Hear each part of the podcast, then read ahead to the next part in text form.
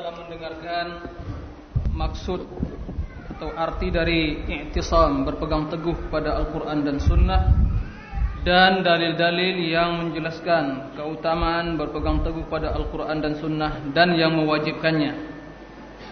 Maka pada poin selanjutnya Syekh Saleh bin Sa'ad As-Suhaimi hafizahullah jelaskan pada kita cara atau metode yang harus kita jalankan, yang harus kita amalkan untuk bisa kita berpegang teguh pada Al-Quran dan Sunnah.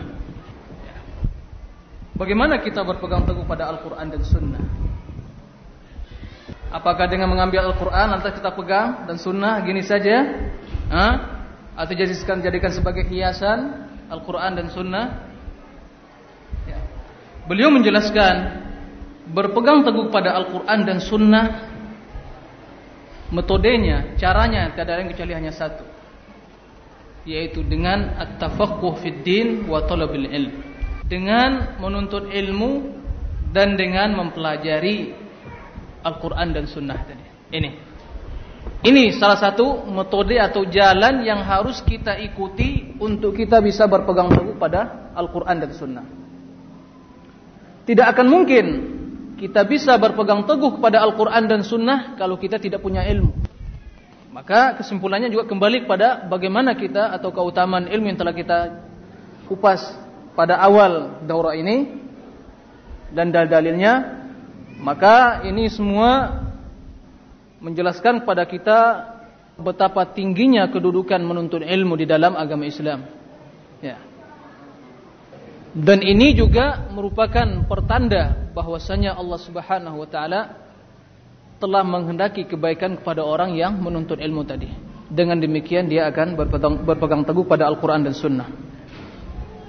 Rasulullah sallallahu alaihi wasallam bersabda, "May yuridillahu bihi khairan yufaqqihhu fid din." Barang siapa yang dikehendaki oleh Allah Subhanahu wa taala kebaikan baginya, apa? Yufaqqihhu fid din maka Allah akan memfakihnya dalam agama ini atau akan berikan ilmu kepadanya. Dia akan kenal dan akan mengetahui tentang ajaran Islam ini. Kemudian ajaran Islam tadi ya landasannya adalah Al-Qur'an dan Sunnah. Maka berpegang teguh dengan Al-Qur'an dan Sunnah dengan menuntut ilmu permasalahan dua permasalahan yang tidak bisa dipisahkan. Oleh karena itu Rasulullah SAW menjelaskan kepada kita bahwasanya balasan orang yang menuntut ilmu tiada lain kecuali surga. Itu man salaka tariqan yaltamisu fihi ilman sahhalallahu lahu bihi tariqan ilal jannah. Barang siapa yang menempuh suatu jalan untuk menuntut ilmu, maka Allah akan memudahkan dengan perbuatan dan usaha dia tadi jalan baginya ke surga. Mempelajari ilmu adalah jalan untuk membawa kita ke surga. Mengamalkan ilmu jalan untuk membawa kita ke surga mengajarkan ilmu jalan untuk kita ke surga. Mengamalkan ilmu, Allah Subhanahu wa taala akan memberikan kepada kita ilmu yang lain yang tidak kita duga dan tidak sangka. Ini juga merupakan jalan untuk ke surga. Kesimpulannya tiada lain metode atau jalan yang harus kita tempuh di dalam dalam rangka berpegang teguh kepada Al-Qur'an dan Sunnah kecuali dengan mempelajari agama Islam ini. Dengan mempelajari akidah ahli sunnah dengan mempelajari manhaj salaf dengan mempelajari ajaran yang diterima oleh Rasulullah SAW kemudian yang telah diwarisi oleh para sahabatnya kemudian generasi sesudah mereka. Ini. Kemudian poin selanjutnya Syekh menjelaskan kalau seandainya kita telah berpegang teguh pada Al-Quran dan Sunnah dan kita telah mempelajari atau telah belajar, telah berilmu dengan Al-Quran dan Sunnah, maka apa hasil atau buah yang bisa kita petik dari kita berpegang teguh pada Al-Quran dan Sunnah tadi? Ya. Di sini beliau membawakan sekitar ya ada 8 poin penting yang beliau jelaskan tentang faedah atau manfaat yang bisa kita ambil dari kita berpegang teguh pada Al-Quran dan Sunnah.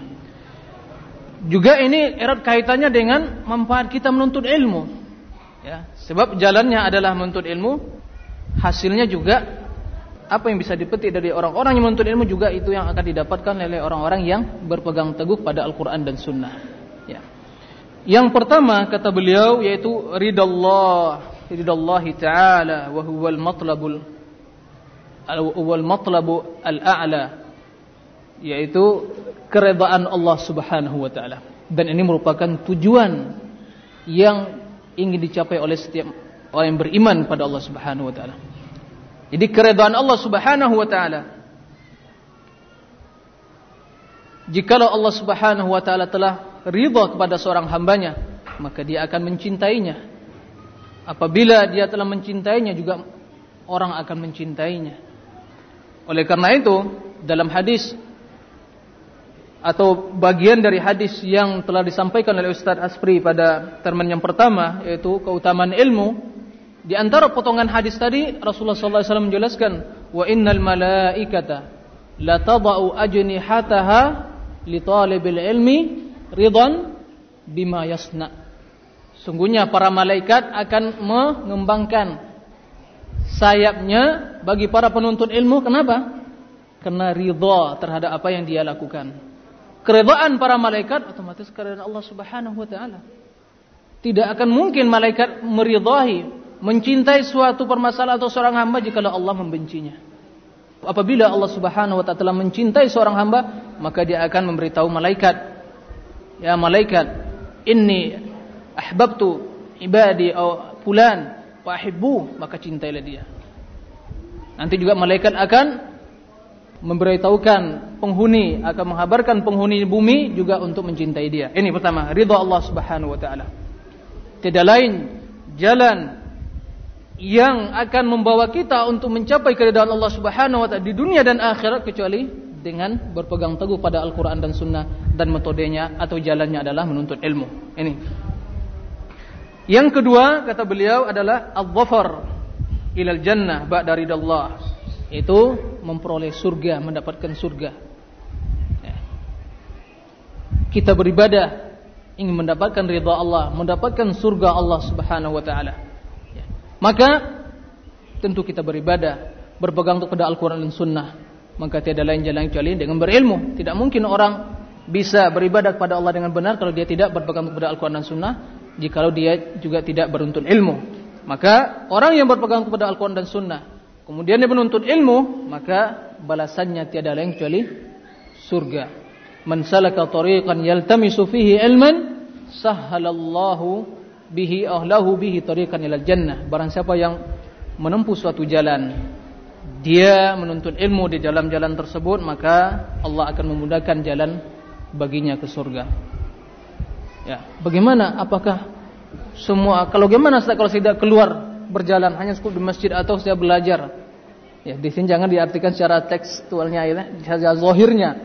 Tapi maksud dari menuntut keluar berjalan tadi adalah menempuh segala sarana atau usaha atau kita korbankan kita lakukan segala usaha untuk menuntut ilmu. Di antaranya pergi ke tempat syekh, tempat ustadz belajar atau membaca di rumah dalam rangka talibul ilmi atau mendengar Artinya semua kemampuan yang kita miliki atau fasilitas yang kita miliki untuk bisa berilmu kita pergunakan. Ini adalah salaka tariqan yaltamisu fihi ilman. Di antara bentuk-bentuk atau kegiatan daurah yang kita lakukan seperti ini. Ini adalah jalan ke surga. Karena kita bahas adalah menuntut ilmu, bagaimana berpegang teguh pada Al-Qur'an dan Sunnah. Ya, jangan diartikan orang yang salaka tariqan itu yang orang yang belajar di kelas secara formal saja atau mungkin yang pergi jauh ke Madinah atau ke Yaman itu aja yang dapat. Tidak, kita semua akan mendapatkan keutamaan ini dengan syarat kita harus berusaha untuk berilmu. Ada pengajian kita hadiri, ada daurah kita hadiri, ya. Ada ceramah agama yang kepada sunnah kita hadiri atau kita kita seperti ini kita hadiri. Ini merupakan jalan ke surga. Ini. Kemudian di antara buah yang bisa kita petik dari tamasuk bil kitab was sunnah itu adalah keutamaan yang sangat mulia yaitu kita akan mendapatkan warisan yang ditinggalkan oleh Rasulullah sallallahu alaihi wasallam. Ini. Fa innahu irthu nabiyina Muhammadin sallallahu alaihi wasallam. Menuntut ilmu yang itu jalannya untuk tamassuk bil kitab wa sunnah itu adalah warisan yang ditinggalkan oleh Rasulullah sallallahu alaihi wasallam kepada umatnya. Warisan yang sangat mulia. Ya. Sebagaimana dalam hadis Rasulullah SAW menjelaskan potongan dari hadis ya Abi Dzar Al-Ghifari itu juga beliau menjelaskan wa innal ulama warathatul anbiya. Wa innal anbiya lam yuwarrithu dinaran wala dirhama. Wa innama warathul ilma. Faman akhadha bihi faqad akhadha bihadzin wafir. Atau kama qala alaihi salatu wassalam. Para ulama itu pewaris para nabi. Maka nabi para nabi tidak mewariskan dinar atau dirham atau materi atau uang atau rupiah lah kita kita Indonesianya. Ya. Apa yang diwariskan? Wa innama warathul ilma kan tapi mereka hanya mewariskan ilmu. Barang siapa yang mengambil mempelajari ilmu tadi maka dia sungguh telah mendapatkan bagian yang sangat besar. Keutamaan yang sangat besar. Ini. Jadi berbanggalah bergembiralah dengan mewarisi warisan Rasulullah sallallahu alaihi wasallam. Kalau dalam kehidupan dunia kita ada keluarga kita yang meninggal lantas dia meninggalkan apa? Harta warisannya. Orang mendapatkan warisan bahagia. Bangga dia. Ada warisan ya. Kadang semakin rakus dan tamaknya berlebut dengan warisan tadi. Tapi warisan yang telah tinggalkan oleh Rasulullah sallallahu alaihi wasallam yang akan membawa atau menghasilkan membuahkan kebahagiaan dunia dan akhirat kenapa kita tidak berlomba-lomba untuk menjadi pewarisnya? Pewarisnya yang mewariskan orang yang paling mulia di Allah Subhanahu wa taala. Yang diwarisi warisan yang paling mulia dan paling berharga yang mewarisi orang yang paling tinggi derajat dunia dan akhirat Kenapa kita tidak menjadi atau menjadi pengikut atau mengikuti jalan-jalan orang-orang yang pewaris para nabi, yaitu mewarisi ilmu. Ini. Ini yang ketiga. Yang keempat di antara faedah atau buah yang bisa kita petik dari kita berpegang teguh pada Al-Qur'an dan Sunnah yaitu akan terwujudnya kejayaan, kebahagiaan atau kemajuan ya di dunia dan akhirat. Ali untuk mencapai kedudukan yang tinggi di dunia dan akhirat tiada lain kecuali dengan berpegang teguh pada Al-Qur'an dan Sunnah yang caranya dan metodenya adalah menuntut ilmu. Allah Subhanahu wa taala menjelaskan dalam Al-Qur'an yarfa'illahu alladhina amanu minkum walladhina utul ilma darajat. Allah mengangkat derajat orang-orang yang beriman di antara kalian dan orang yang berilmu derajat beberapa tingkatan. Ini kita lihat. Ya. Orang yang bermutu pada Al-Quran dan Sunnah. Dan orang yang berilmu. Maka mereka orang yang paling tinggi derajatnya. Akan terhormat, terpandang. Akan dijadikan sebagai rujukan oleh masyarakat. Dan ini merupakan rif'ah. Allah telah mengangkat derajatnya di permukaan bumi ini. Dan di akhirat juga orang yang mereka dekat para anbiya ya karena mereka lah pewaris warisan para anbiya tadi ya Kemudian juga di antara buah atau faedah yang bisa kita petik dari berpegang teguh pada Al-Quran dan Sunnah. Kata beliau, Al-Mu'tasim bil kitab was sunnah. Atau Al-Muslim alladhi ya'tasim bil kitab was sunnah fa'innahu ya'budullah ala basirah. Ini. Seorang muslim yang berpegang teguh kepada Al-Quran dan Sunnah, maka dia akan melaksanakan ubudiyah kepada Allah sesuai dengan ilmu, berdasarkan ilmu. Tidak ikut-ikutan. Ini. Sebab ini hasil yang bisa kita dapat dari ilmu tadi. Ya abudullah ala basirah. Ya, berdakwah kepada Allah berdasarkan ilmu. Beribadah kepada Allah berdasarkan ilmu. Berakhlak berilmu, ya. Apalagi semua aktivitas yang dia lakukan dalam kehidupan dia dalam rangka ubudiyah kepada Allah, maka dia berlandaskan ilmu. Dan ini juga merupakan karakter pengikut umat atau umat Rasulullah SAW di mana Allah menjelaskan kul hadhihi sabili adu ila Allah ala basirah. Ana wa man ittaba'ani. Kalau kita ingin menjadi pengikut Rasulullah SAW yang setia maka tiada lain kita harus membekali diri dengan dengan ilmu dalam rangka berpegang teguh pada Al-Quran dan Sunnah. Ini. Maka tidak akan mungkin orang seseorang beribadah kepada Allah dengan benar atau ibadahnya diterima kalau dia tidak berilmu. Kalau dia tidak berpegang kepada Al-Quran dan Sunnah ibadah yang ikutkan tidak diterima oleh Allah Subhanahu wa taala. Nanti orang zikir jamaah dia ikut zikir jamaah, tapi amalnya bid'ah, kan begitu. Nah, ini ini yang perlu diperhatikan. Jadi orang tersebut akan beribadah pada Allah dengan ilmu dengan benar. Yang keenam yaitu di antara faedah atau buah yang bisa kita petik dari kita berpegang kepada Al-Qur'an dan Sunnah yaitu kita akan mendapatkan pahala yang berlipat ganda. Kenapa demikian? Sebab orang yang berilmu tatkala ia mengajarkan ilmu yang dia ketahui, maka dia akan mendapatkan pahala dari usaha dia tadi sebagaimana dia mendapatkan pahala orang yang mengamalkan ilmunya dan juga orang yang mengikutinya sampai akhir kiamat. Tidak ada terhenti. Ya, tidak terhenti. Bahkan juga di antara amalan yang tidak terputus setelah meninggalnya manusia di antaranya ilmu yang bermanfaat. Ya kan? Idza mata ibnu Adam inqata'a amaluhu illa min thalath. Apabila meninggal anak cucu Adam, ya, terputus segala amalannya kecuali tiga. Pertama, ilmu yang tafa'u bih. Ilmu yang bermanfaat. Baik dengan syahlisan atau tulisan, dia tinggalkan ilmu tadi. Maka dia akan mendapatkan pahala yang berlipat ganda. Dalam hadis Rasulullah SAW menjelaskan, "Man dalla ala khairi kafa'ilih." Barang siapa yang menunjukkan kepada kebenaran, maka ia seperti orang yang melakukannya man sanna sunnatan hasanatan falahu ajruha wa ajru man tabi'a Barang siapa yang membuat suatu sunnah, yang melakukan suatu sunnah, menghidupkan sunnah Rasul kemudian diikuti oleh orang lain, maka dia akan mendapatkan pahala, pahala dia melakukannya dan juga pahala orang yang mengikutinya. Ini, maka oleh karena itu Mari kita, jika kita telah berilmu mengetahui sedikit banyak tentang agama ini, kita berusaha supaya kemampuan kita, keterbatasan ilmu kita menyampaikan kebenaran tadi dan menasihati orang yang kita lihat menyimpang atau keluar dari jalan yang benar. Kemudian juga, kemudian di sini juga saya ingin menjelaskan tiga amalan yang terputus setelah manusia itu meninggal. Yang ketiganya ini itu akan didapatkan oleh penuntut ilmu dan orang yang mengajarkan ilmu. Pertama ilmu yang bermanfaat, ini sudah jelas Orang yang berilmu, meninggalkan ilmunya, mengajarkan manusia, maka dia akan mendapatkan keutamaan ilmu tadi. Yang kedua, waladin solihin yad'ulah atau sadaqatin jariyah, sedekah jariyah. Maka mengajarkan ilmu adalah sedekah. Mengajarkan ilmu adalah sedekah. Kemudian yang ketiga, waladin salihin yad'ulah. Orang yang diajarnya, yang dijelaskan atau diajarnya, diajarkan padanya ilmu, ya, anak didikannya itu ibarat anak dia sendiri. Yang dia didik menjadi anak yang soleh. Maka dia akan mendapatkan doa atau usaha dari usaha pahala dari usaha yang dia lakukan untuk mendidik mereka menjadi anak yang soleh. Jadi ketiga dari keutamaan tadi ibadah yang tidak terputus tadi atau amal yang tidak terputus tadi itu akan didapatkan oleh penuntut ilmu. Ini keutamaan yang sangat besar.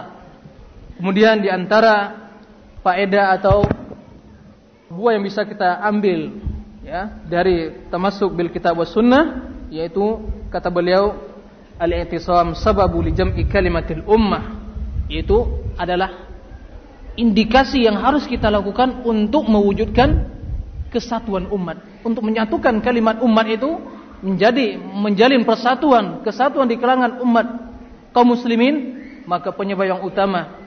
Dan ini salah satu penyebabnya ya adalah dengan berpegang teguh pada Al-Quran dan Sunnah. Kenapa? Sebab Al-Quran dan Sunnah menyatukan. Akan tapi bid'ah dan khurafat akan memecah belah. Ya?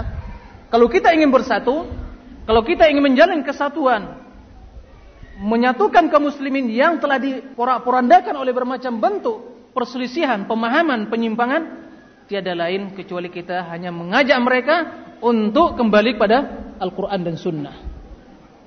Ini jalan yang harus kita tempuh. Maka dakwah kita dakwah untuk menyatukan kaum muslimin kepada satu bendera yaitu bendera Al-Quran dan Sunnah.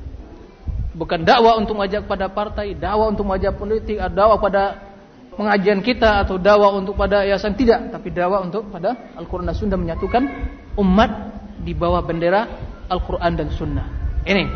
Maka apa pun yang akan kita lakukan untuk menjalin persatuan, kesatuan di antara kita kaum ahli sunnah, ahli sunnah secara khusus dan kaum muslimin secara umum tidak akan mungkin terwujud kalau kita tidak kembali pada Al-Quran dan Sunnah.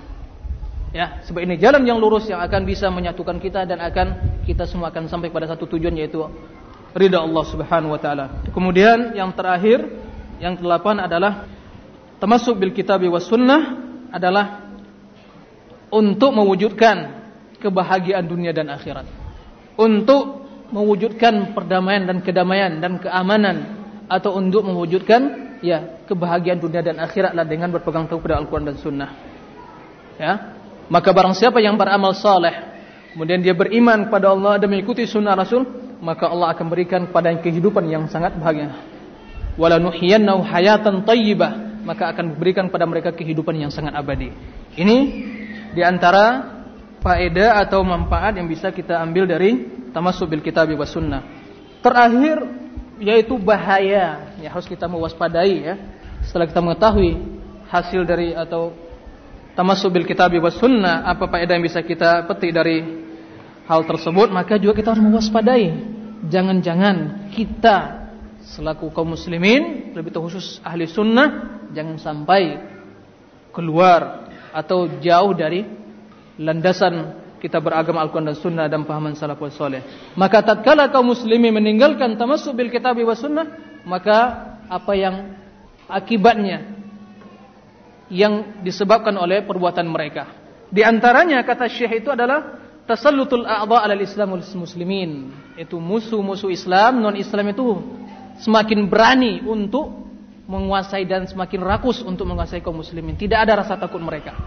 Kenapa? Sebab kekuatan kaum muslimin telah di sudah dipecah belah. Persatuan mereka telah dirobek-robek. Tidak ada kekuatan. Makanya mereka itu mayoritas tapi bagikan bui di lautan. Gutha ke gutha isail. Kenapa? Meninggalkan Al-Quran dan Sunnah. Ini kalau kita lihat penyebab yang pertama. Kenapa musuh-musuh Islam, non-Islam. Baik yang kafir atau munafik. Kenapa mereka semakin rakus untuk memporak-porandakan Islam? Kenapa? Semakin berani untuk mempublikasikan kebatilan-kebatilan yang mereka pahami. Kenapa? Karena kaum muslim mereka tahu, mereka mayoritas tapi tidak ada nilainya bagaikan debu, debu saja hilang. Tidak ada nilainya. Kenapa? Karena mereka telah meninggalkan Al-Quran dan Sunnah. Maka wahai kaum muslimin, tiada lain cara untuk kita keluar dari bermacam bentuk problema yang kita hadapi. Dalam bermacam bentuk fitnah yang kita hadapi dari musuh yang dalam selimut, musuh musuh yang dalam selimut, nah munafikin atau non-Islam, tiada lain kecuali kita termasuk bil kitab wa sunnah. Yushiku an tada'a alaikumul umam kama tada'a al-akalatu ala qas'atiha. Qalu wa min qillatin bina yawma idhin ya Rasulullah, ya Rasulullah. Qal ba bal antum kathir walakinnakum gutha' ka gusa'i sail. Hampir sudah datang waktunya kita akan jadi makanan yang akan diperebutkan oleh orang yang lapar di atas hidangan ya. Para sahabat bertanya awamin killatin bina yauma ya Rasulullah? Apakah kami minoritas? Tidak kata Rasulullah. Tapi nakum kathir mayoritas tapi kagusa isail bagaikan bui di atas lautan tidak ada nilainya. Ini. Kemudian juga di antara hal yang ditimbulkan karena kita jauh dari tamasuk bil kitab sunnah adalah at-tafarruq wa ta'addudil ah, ahzab itu berpecah belah dan munculnya bermacam bentuk partai-partai atau hizb-hizb ya yang semuanya itu tiada lain akan mengajak pada yayasan atau partai atau golongan mereka masing-masing. Kenapa? Karena mereka masing-masing menggunakan akal, tidak kembali pada Al-Quran dan Sunnah. Maka terjadilah berpecah belah dalam kaum muslimin, perpecahan, ya, yang satu saling menuding yang lain, yang satu saling menghajar yang lain, membantah yang lain, ya sehingga semakin tajam perpecahan kaum muslimin yang hasilnya hanya bisa dinikmati oleh orang-orang non-Islam. Dan hal-hal seperti ini mulai merusuk ke tubuh kaum ahli sunnah. Maka waspadailah wahai ahli sunnah kita hanya sedikit minoritas. Antum aqallun nas. Kita manusia yang paling sedikit minoritas di dunia ini. Maka jangan sampai kita memberi atau memberikan celah-celah atau pintu-pintu bagi orang-orang yang sangat rakus untuk menguasai kaum muslimin untuk semakin memporak-porandakan kita. Ya, berhati-hati. Dalami ilmu semakin kita kenal pada Al-Qur'an dan Sunnah dan pahaman para salafun saleh. Nah, ini yang kedua, yang ketiga kata Syekh di antara bahaya meninggalkan tamasuk berpegang teguh pada Al-Quran dan Sunnah adalah qaswatul qulub, kerasnya hati. Bahkan sampai lebih keras dari batu. Ya, sehingga tidak satu pun kebenaran atau nasihat yang bisa diterima atau masuk pada hati yang sudah keras tadi. Udah hitam, keras lagi. Bahkan lebih keras dari batu. Batu kadang bisa mengeluarkan air, bisa terpercik dari batu tadi air, bisa mengalir sungai kan begitu. Bahkan hati kalau udah keras, maka lebih keras dari batu. Semua kebenaran tidak akan bisa masuk, cahaya dari Allah tidak akan bisa masuk, nasihat tidak akan bisa diterima dan malah penyakit hati semakin bertumpuk-tumpuk sehingga sampai pada penyakit yang kronis yaitu tidak bisa membedakan antara al-haq dengan yang batil. Ini sangat berbahaya. Dan terkadang malah sebaliknya terjadi, melihat kemungkaran, kebaikan dan kebaikan kemungkaran. Nah, ini yang harus kita waspadai. Maka Allah Subhanahu wa taala menjelaskan, "Wa man a'rada an dzikri fa inna lahu ma'isyatan dhanka wa nahsyuruhum qiyamati a'ma." Barang siapa yang berpaling dari zikir kepadaku, zikir di sini bukan seperti zikir jamaah seperti tidak itu atau zikir dasar tidak. Zikir di sini adalah wahyu, Al-Qur'an dan sunnah. Ini zikri. Fa inna lahu ma'isyatan dhanka, maka dia akan mendapatkan kehidupan yang sangat sempit. Wa nahsyuruhu yaumal qiyamati a'ma. Dan kami akan bangkitkan dia di yaumil akhirah nanti dalam keadaan buta. Kenapa? Karena tak kala datang ayat Allah, kita dustakan. Maka begitu juga tak kala Allah kita berada di yaumil akhirah juga Allah akan butakan mata kita. Kenapa? Karena al jaza min jinsil amal. Balasan itu sesuai dengan perbuatan seorang tadi. Ini tiga poin penting bahaya meninggalkan termasuk bil kitab wa sunnah yang kesemuanya terjadi di kalangan kaum muslimin ya oleh karena itu Syekh terakhir menjelaskan kepada kita mengajak kita semua ahli sunnah wal jamaah untuk selalu mewaspadai agar masing-masing kita waspada dan untuk selalu menjaga kesatuan di kalangan kaum muslimin apalagi ahli sunnah. Dan jangan untuk menjauhi segala hal-hal yang akan bisa membuat kita berpecah belah di dalam menjalani di dalam memegang Al-Quran dan Sunnah ini. Kemudian juga untuk selalu berusaha menyatukan ya kaum muslimin dan untuk selalu meningkatkan usaha kita untuk mengajak mereka pada Al-Quran dan Sunnah. Ini ringkasan dari apa yang telah disampaikan oleh Syekh demikian wallahu alam. Melihat dari buah yang tisam berpegang teguh dengan kitabullah dan sunnah Rasulullah SAW maka nampaklah oleh kita secara gamblang bagaimana agungnya dakwah ahlu sunnati wal jamaah bahwa jalan satu-satunya berpegang teguh dengan kitabullah dan sunnah Rasulullah adalah dengan menuntut ilmu. Menjadi murid selama-lamanya semenjak balik sampai akhir hayat. Minal mahdi ila lahdi. Dari buayan sampai ke akhir hayat. Itulah yang dikatakan oleh salah seorang murid Imam Ahmad rahimahullah yang mengatakan ya Imam Sampai kapan kita berletih? Sampai kapan kita berhenti belajar? Maka Imam Ahmad mengatakan minal mihbarati ilal maqbarah. Mulai kita mengenal pena sampai kita mengenal kuburan. Begitu Imam Ahmad, ketinggian ilmunya dan luar biasanya hafalannya tidak menafikan bahwa beliau belum berhenti dalam menuntut ilmu dan menuntut ilmu adalah ciri khas ahlus sunnati wal jamaah yang tidak dimiliki oleh kelompok-kelompok lainnya. Jika seandainya ada seorang muslim mengaku ahlus sunnati wal jamaah, kemudian yang hanya tahu perutnya saja, mulutnya saja, kemaluan dia saja, maka dia bukan ahlus sunnah. Harus dimasukkan akal pikirannya terhadap dari apa yang dia dapat dari kitab Allah dan sunnah Rasulullah. Harus dimasukkan, ditekankan Al-Quran dan sunnah. Hadir di halaqah ilmu dan semacamnya. Ini buah yang kita dapat dan jalan-jalan satu-satunya.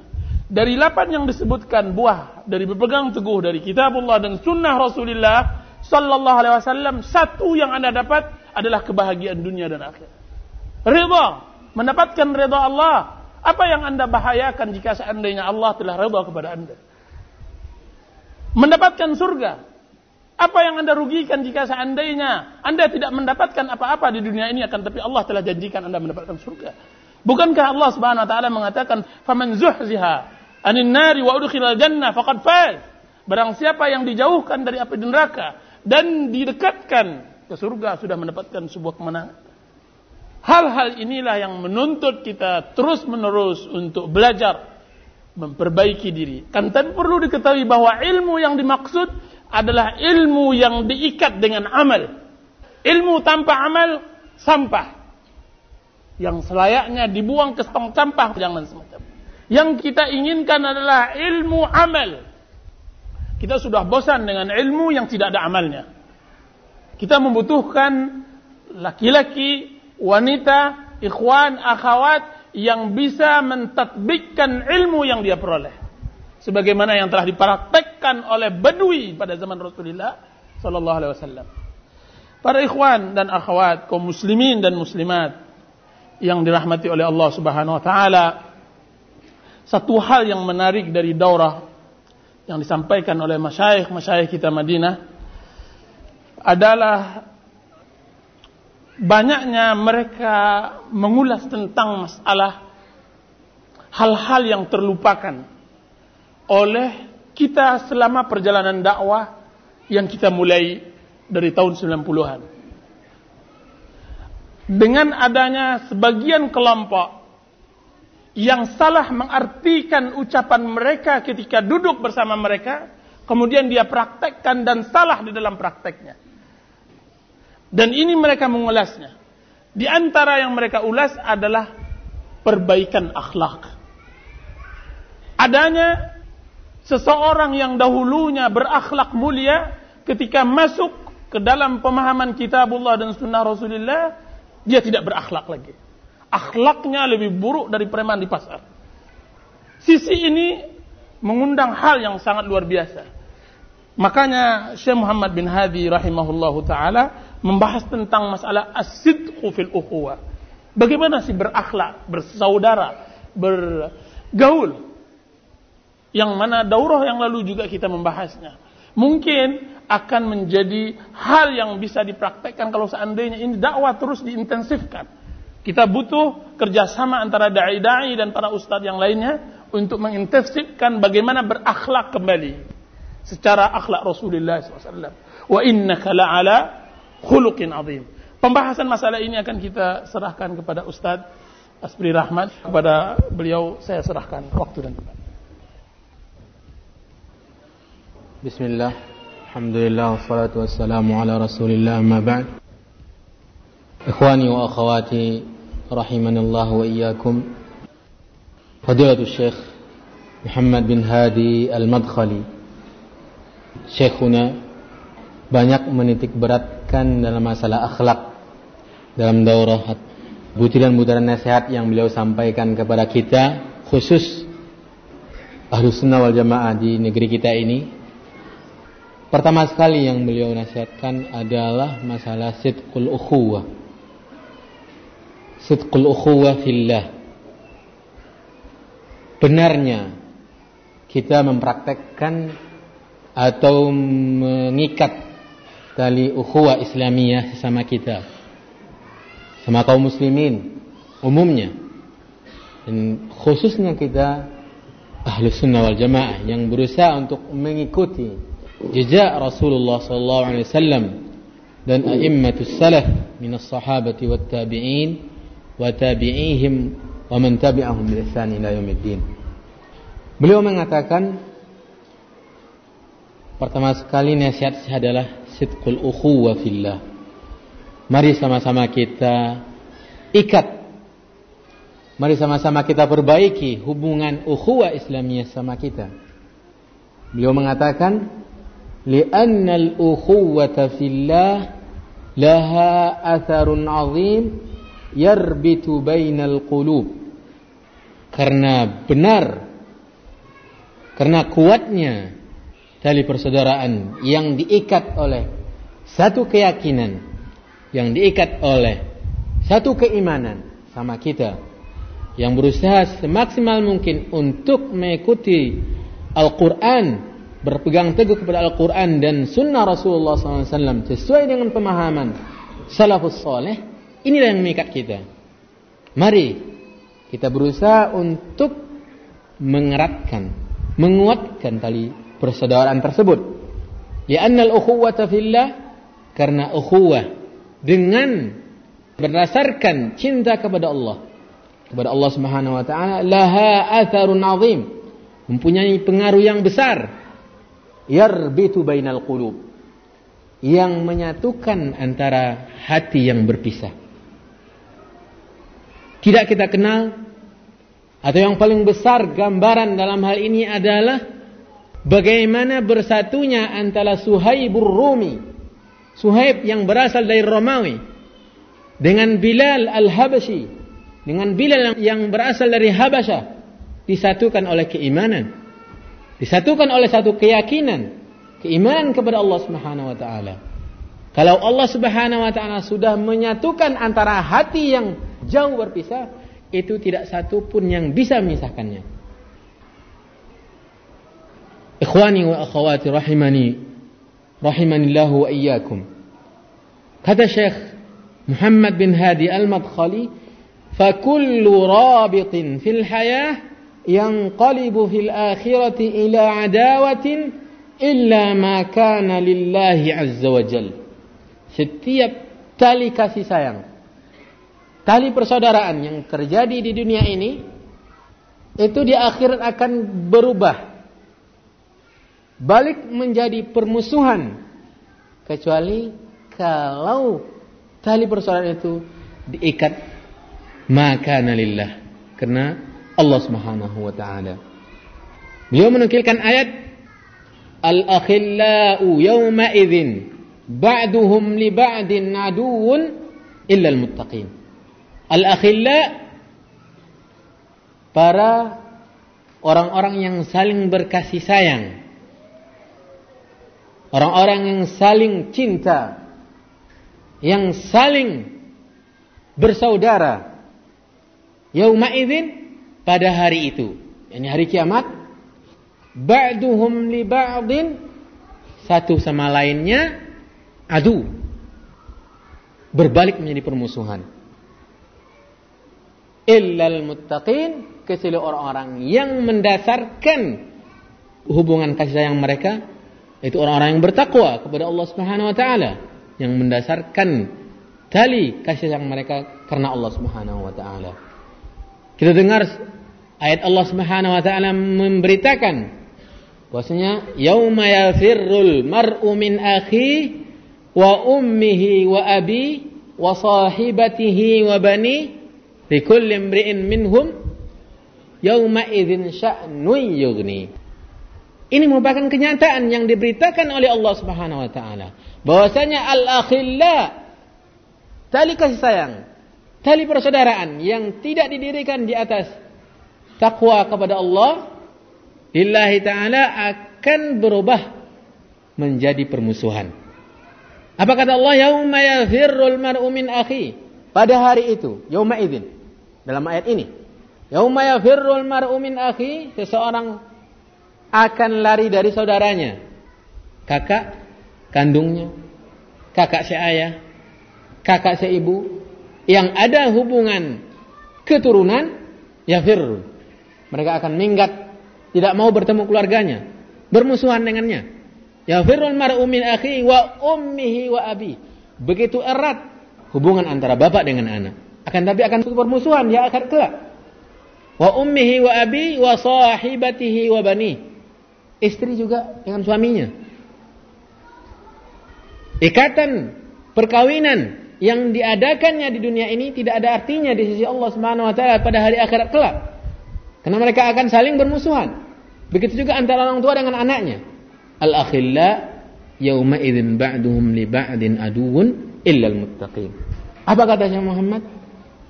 kullu sadaqatin wa kullu sahabatin wa kullu ukhuwatin li ghairillah tanqalibu yawmal qiyamati ila adawatin illa ma kana lillah.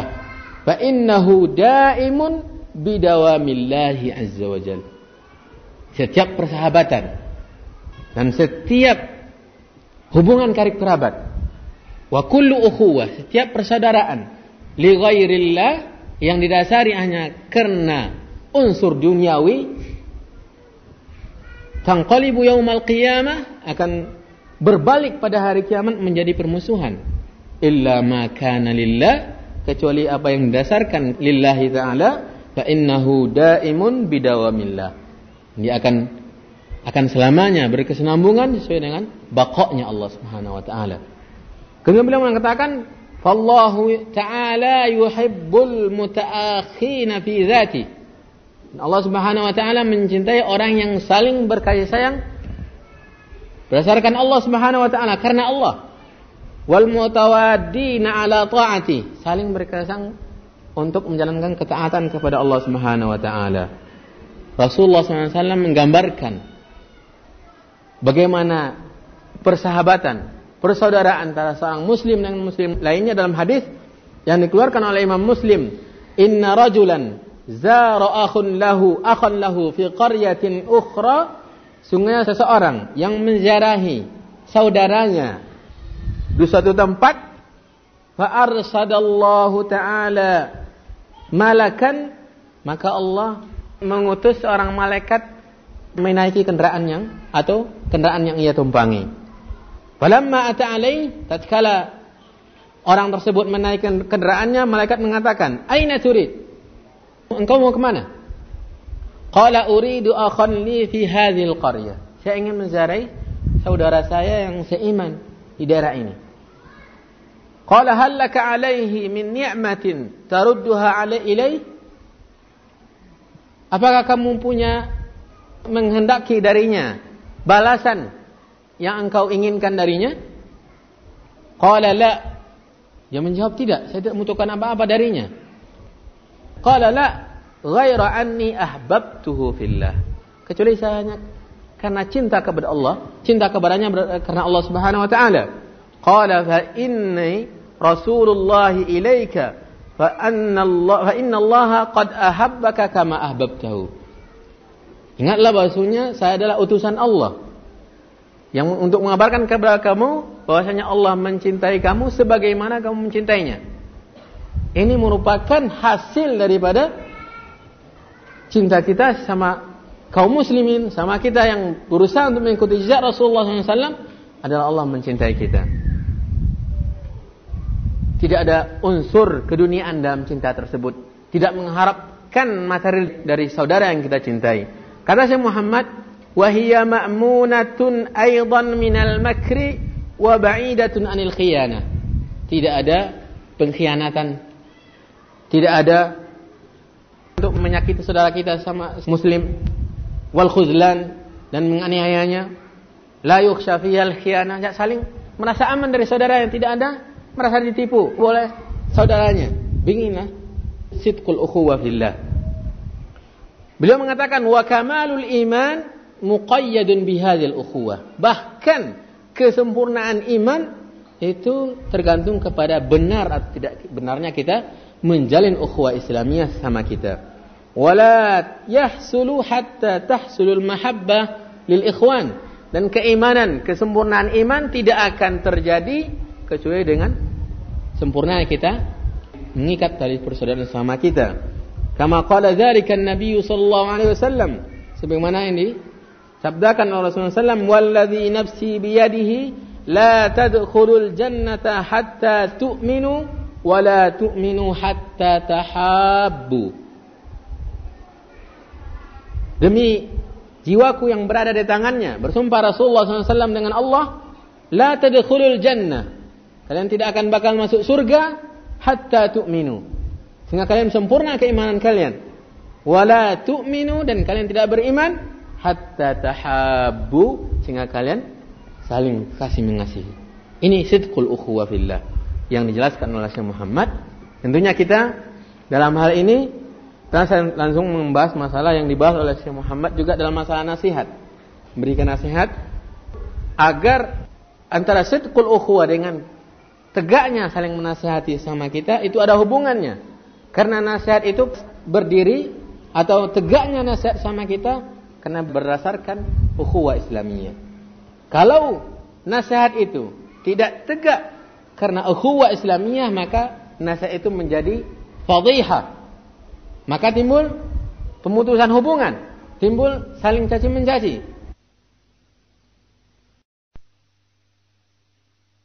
Qiyamun nasiha fima baina ahli sunnah. وذلك أن الخلق مفتور ومجبول على النقص kita ini semuanya tercipta penuh dengan kekurangan, penuh dengan kesalahan. Selalu terjerumus kepada kekhilafan. Makanya ditegakkan agama ini di atas nasihat. Ad-dinun nasihat, ad-dinun nasihat, ad-din nasihat. Kenapa? Karena kita tidak ada yang sempurna. Dan nasihat tersebut mesti berdiri di atas ukhuwah, sidqul ukhuwah fillah. Beliau mengatakan wa aslud din al-islami al-hanif mabniyun 'ala nushi lil khalq. Dan asas dasar daripada agama Islam ini ditegakkan di atas nus lil khalq. Tegaknya saling menasihati, saling memberikan nasihat, saling mencegah dari kemungkaran, saling menganjurkan untuk berbuat ma'ruf sama khalq, sama kaum muslimin, sesama ahlu sunnah, sama orang-orang yang berusaha untuk mengikuti jejak Rasulullah SAW. Wasit serin naqais menutupi kesalahan saudara kita. Jangan sedikit kesalahan saudara kita kita umbar-umbar sehingga dikenal atau diketahui orang lain. Itu nasihat. Kalau nasihat itu untuk mengambil setiap kesalahan lain lalu diumbar-umbar di masjid-masjid salim atau di perkumpulan-perkumpulan ini sepulan begini sepulan begitu, itu tidak nasihat namanya. Wasitr naqais itu merupakan majbulun, merupakan hal yang diridhai oleh Allah Subhanahu wa taala, yang dicintai oleh Allah Subhanahu wa taala. Man satara musliman. Man satara musliman satarahu Allahu yaumal qiyamah. Barang siapa yang menutup aib seorang muslim mengutuk kesalahan seorang muslim satarahu Allah yaumal qiyamah. Tidak, tidak. Yang terjadi bahkan sebaliknya.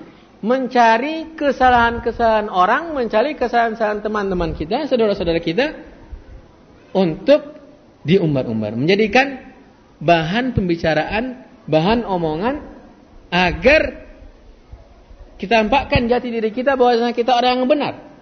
Tidak. Itu tidak nasihat namanya. Dan ini akan memecah belah antara ukhuwah Islamiyah. Kali ukhuwah Islamiyah antara kita. Ikhwani wa akhawati rahimani wa rahimakumullah. Syekh Muhammad bin Hadi Al-Madkhali. Beliau banyak sekali mendengar tentang apa yang terjadi di negara kita ini. Antara salafiyin. Antara ahlu sunnah wal jamaah. Yang salah dalam bersikap terhadap mukhalif orang yang salah, yang keliru, yang berdosa, yang melakukan kesalahan, yang keliru dalam bersikap terhadap mereka, semua banyak mendengar. Makanya dia menitik beratkan antara dalam nasihatnya itu adalah sirkul ukhuwah. Karena kalau sudah muncul atau tertanam rasa kebencian di antara kita kepada orang yang salah, maka timbul fadhiha, tidak nasihat. Bahkan setiap apa yang kita lakukan terhadapnya tidak bakal diterima oleh dia. Bahkan muncul permusuhan yang akan terjadi yang menghasilkan pergolakan atau pertempuran, saling baku hantam, pukul memukul. Apakah ini yang namakan ukhuwah Islamiyah? Berdasarkan kaidah dalam manhaj Ahlussunnah wal Jamaah bahwasanya itu hajarul mukhalif termasuk melecehkan ahlul bid'ah mendudukkan permasalahan yang kita jadikan sebagai pokok masalah bahwasanya dia itu mukhalif, dia itu uh, ahlul bid'ah, itu juga belum selesai lalu kita pakai hajrul. Memutuskan hubungan. Bahkan terjadinya pemutusan hubungan antara tali kekeluargaan. Antara anak dengan ayahnya, antara kakak dengan adiknya, antara ipar dengan iparnya. Bahkan muncul perceraian antara suami dengan istri gara-gara masalah ini. Padahal itu merupakan satu wasilah yang disyariatkan oleh Allah dan Rasulnya untuk mimbabin nus lil khalq.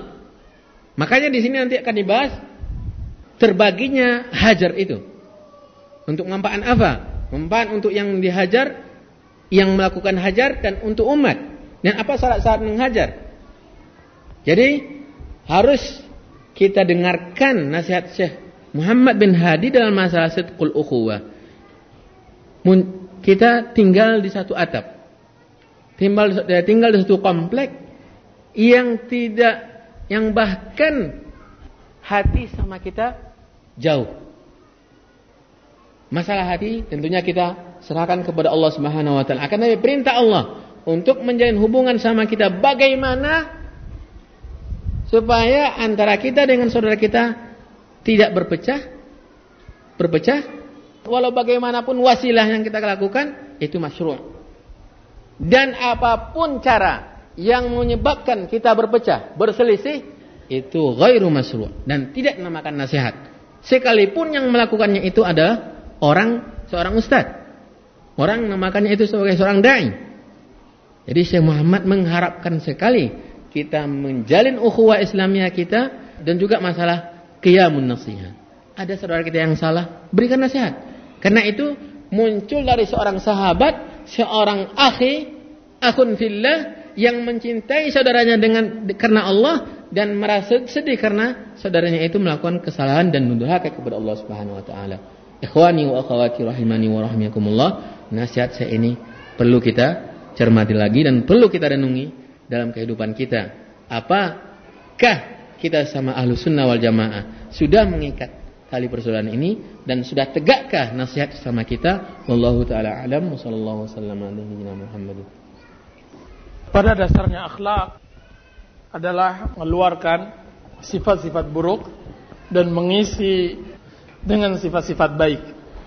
Kata orang tua kita dahulu, tidak ada akhlak yang tidak bisa dirubah.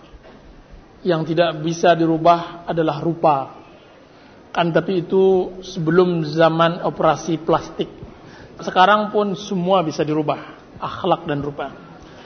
Para ikhwan yang dirahmati oleh Allah Subhanahu wa taala dan para akhwat masih seputar perbaikan akhlak atau salah seorang ustadz kita mengatakan bengkel akhlak. Beliau mengarang kitab bengkel akhlak.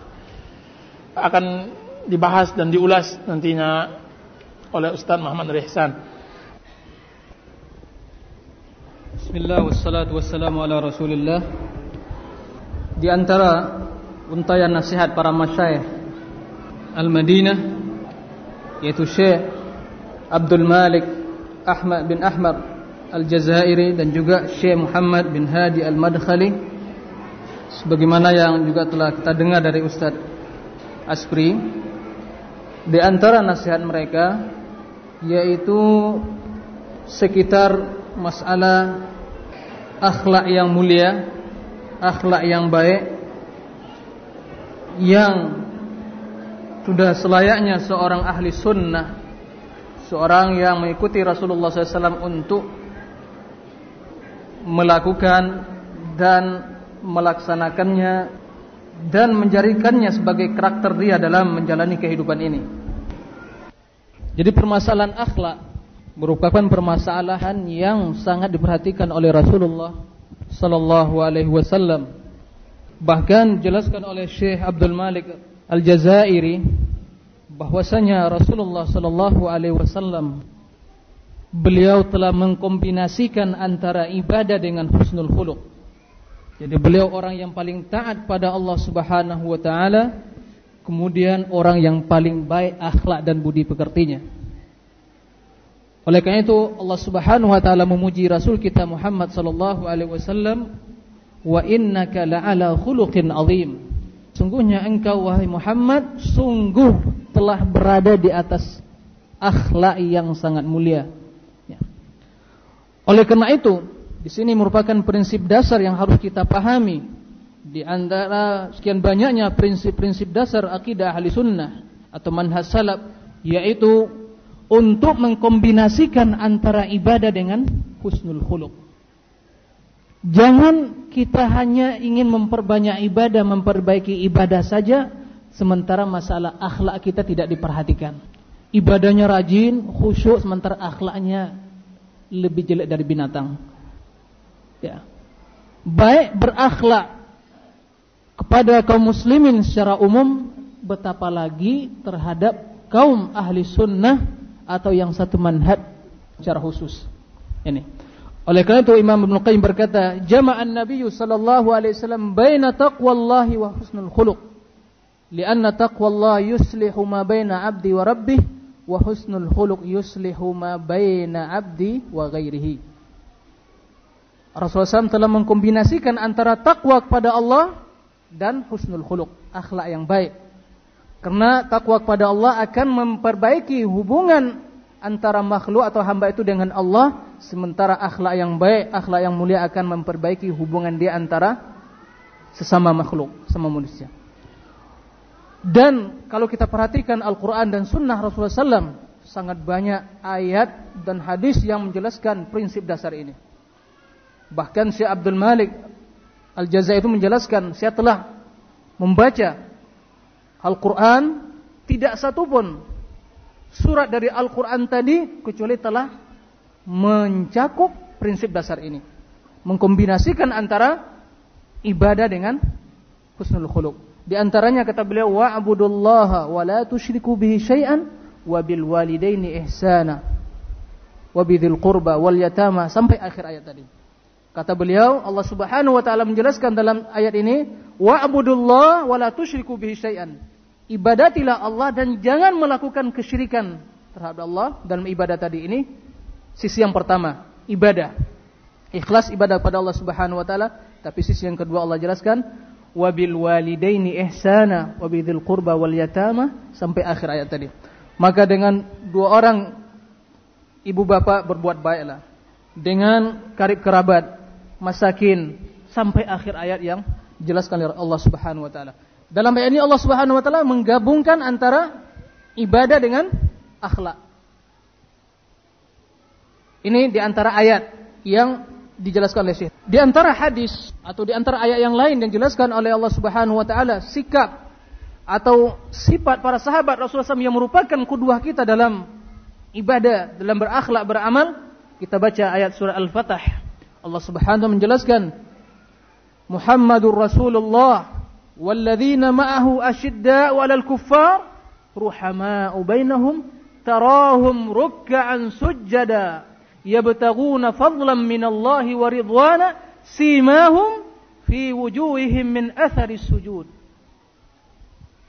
Muhammad adalah Rasulullah dan orang-orang yang bersama beliau sama Rasul kita asyidda ulal kufar tegas terhadap orang kufar non muslim ruhama ubainahum berlemah lembut berkasih yang di antara sama mereka ini akhlak ya akhlak husnul khuluq kemudian di sisi yang lain Allah menjelaskan Tarahum rukkaan. Kamu melihat mereka dalam sujud beribadah. Ini sisi yang yang kedua. Beribadah. Sujadan dalam keadaan sujud. Yabtaguna fadlan min Allah. Mencari keutamaan. Keridaan Allah. Juga keridaan Allah subhanahu wa ta'ala. Simahum fi wujuhim asal sujud. Kelihatan di muka mereka itu bekas sujud. Artinya para ulama, para sahabat Rasulullah SAW orang yang paling banyak ibadahnya, paling rajin beribadah, dan juga orang yang paling baik akhlaknya. Ini sahabat Rasulullah SAW sebagai suri teladan kita. Di antara hadis yang dijelaskan oleh Rasulullah SAW yang mengkombinasikan antara kedua sisi ini, yaitu dalam hadis kata Rasulullah SAW, Man arada an yuzahzaha anin nari wa yudkhal al jannah wa yudkhul jannah falta'tihi maniyatuhu wa huwa yu'min billahi wal yawmil akhir wal ya'ti ila an-nasi alladhi yuhibbu an yu'ta ilaihi Barang siapa yang menginginkan untuk dijauhkan dari neraka dan dimasukkan ke surga, maka hendaklah dia tatkala datang ajal menjemputnya dalam keadaan apa? Beriman pada Allah dan yaumil akhir dan juga dia memberikan bersikap kepada manusia apa yang juga dia inginkan bagaimana orang bersikap kepada dia. Husnul khuluq. Wa ya'ti nas alladhi yuhibbu ayyuta ilaihi. Ini yu'min billahi yaumil akhir ini masalah ibadah. Kemudian wa ya'ti nas alladhi yuhibbu an yu'ta ilai. Dia bersikap pada manusia ha, sebagaimana dia menginginkan orang lain juga bersikap seperti dia. Ini akhlak yang mulia. Dalam ayat yang lain, hadis lain Rasulullah menjelaskan, "Idza ja'akum man tardawna dinahu, man tardawna dinahu wa khuluquhu fazawwijuhu." In lam taf'alu takun fitnatun arid atau fitnatun kabir. Apabila datang orang yang ingin khidbah, ya datang ingin menikahi anak kita punya anak perempuan datang seorang dia itu terdauna dinahu kamu merestui dan meridai suka agamanya ini sisi yang pertama wa khuluqahu dan akhlaknya ya di antara dua sisi yang Rasulullah kombinasikan. Terdauna dinahu kenapa? Dengan agama yang baik dia akan beribadah kepada Allah.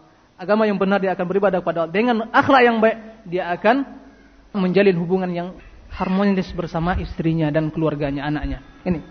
Banyak sekali ayat yang menjelaskan bahwasanya mengkombinasikan antara ibadah kepada Allah, memperbaiki ibadah kepada Allah, memperbaiki hubungan kita kepada Allah, tidak cukup kalau seandainya hubungan kita sama manusia, sama makhluk Allah, baik sama non muslim apalagi sama muslim. Ada juga hubungan sama non muslim dan muslim. Ya. Itu merupakan prinsip dasar akidah ahli sunnah. Kemudian dalam hal ini juga oleh karena itu kaum muslimin yang ingin saya tekankan di sini kita ahli sunnah. Ahli sunnah orang yang mempelajari manhaj salaf. Jadilah kita orang yang paling baik ibadahnya, paling taat pada Allah, berlomba-lomba untuk kebaikan dan amal soleh, dan jadilah kita orang yang number one dalam berakhlak. Jangan orang yang paling terendah dalam berakhlak sesama kaum muslimin secara umum dan apalagi sesama kita. Suatu kesalahan dilakukan oleh saudara kita tidak membuat kita harus mencela dan mencaci dan menghinanya. Akan tapi dia saudara kita kena sama prinsipnya. Tapi kesalahannya itu itulah yang kita gunakan nasihat. Saling menasihat, sehat menasihati untuk bukan tujuan untuk membeberkan kesalahannya tidak, untuk agar orang tadi kembali baik dan kembali pada kebenaran. Ini. Ini. Sebab contoh kita Rasulullah, sahabatnya dan para aimatul muslimin, bukan orang yang sekarang ini. Orang yang mendawakan dia dai pada salafi tapi akhlaknya paling bejat. Melihat dia saja mukanya orang udah lari, tidak pernah senyum, bahkan tidak pernah menjawab salam atau begitu melihat saudaranya di depan kita begitu sekian meter dan melihat saudaranya lewat langsung berikan wajah ke arah yang lain. Kenapa? Ya. Apakah ini akhlak Rasul? Apakah ini akhlak para sahabat? Apakah ini akhlak para imam yang sampai sekarang imam ahli sunnah di zaman sekarang ini? Oleh karena itu, ini kaitannya dengan masalah arif berlemah lembut dalam berdakwah dan juga sikap bijak dalam bersikap menghukumi seorang dan ini juga kaitannya dengan nanti bagaimana kaidah-kaidah dalam hajrul mubtadi', hajrul mukhalif, menghajar, memboikot orang-orang yang berselisih pendapat atau berseberangan dengan kita atau yang salah.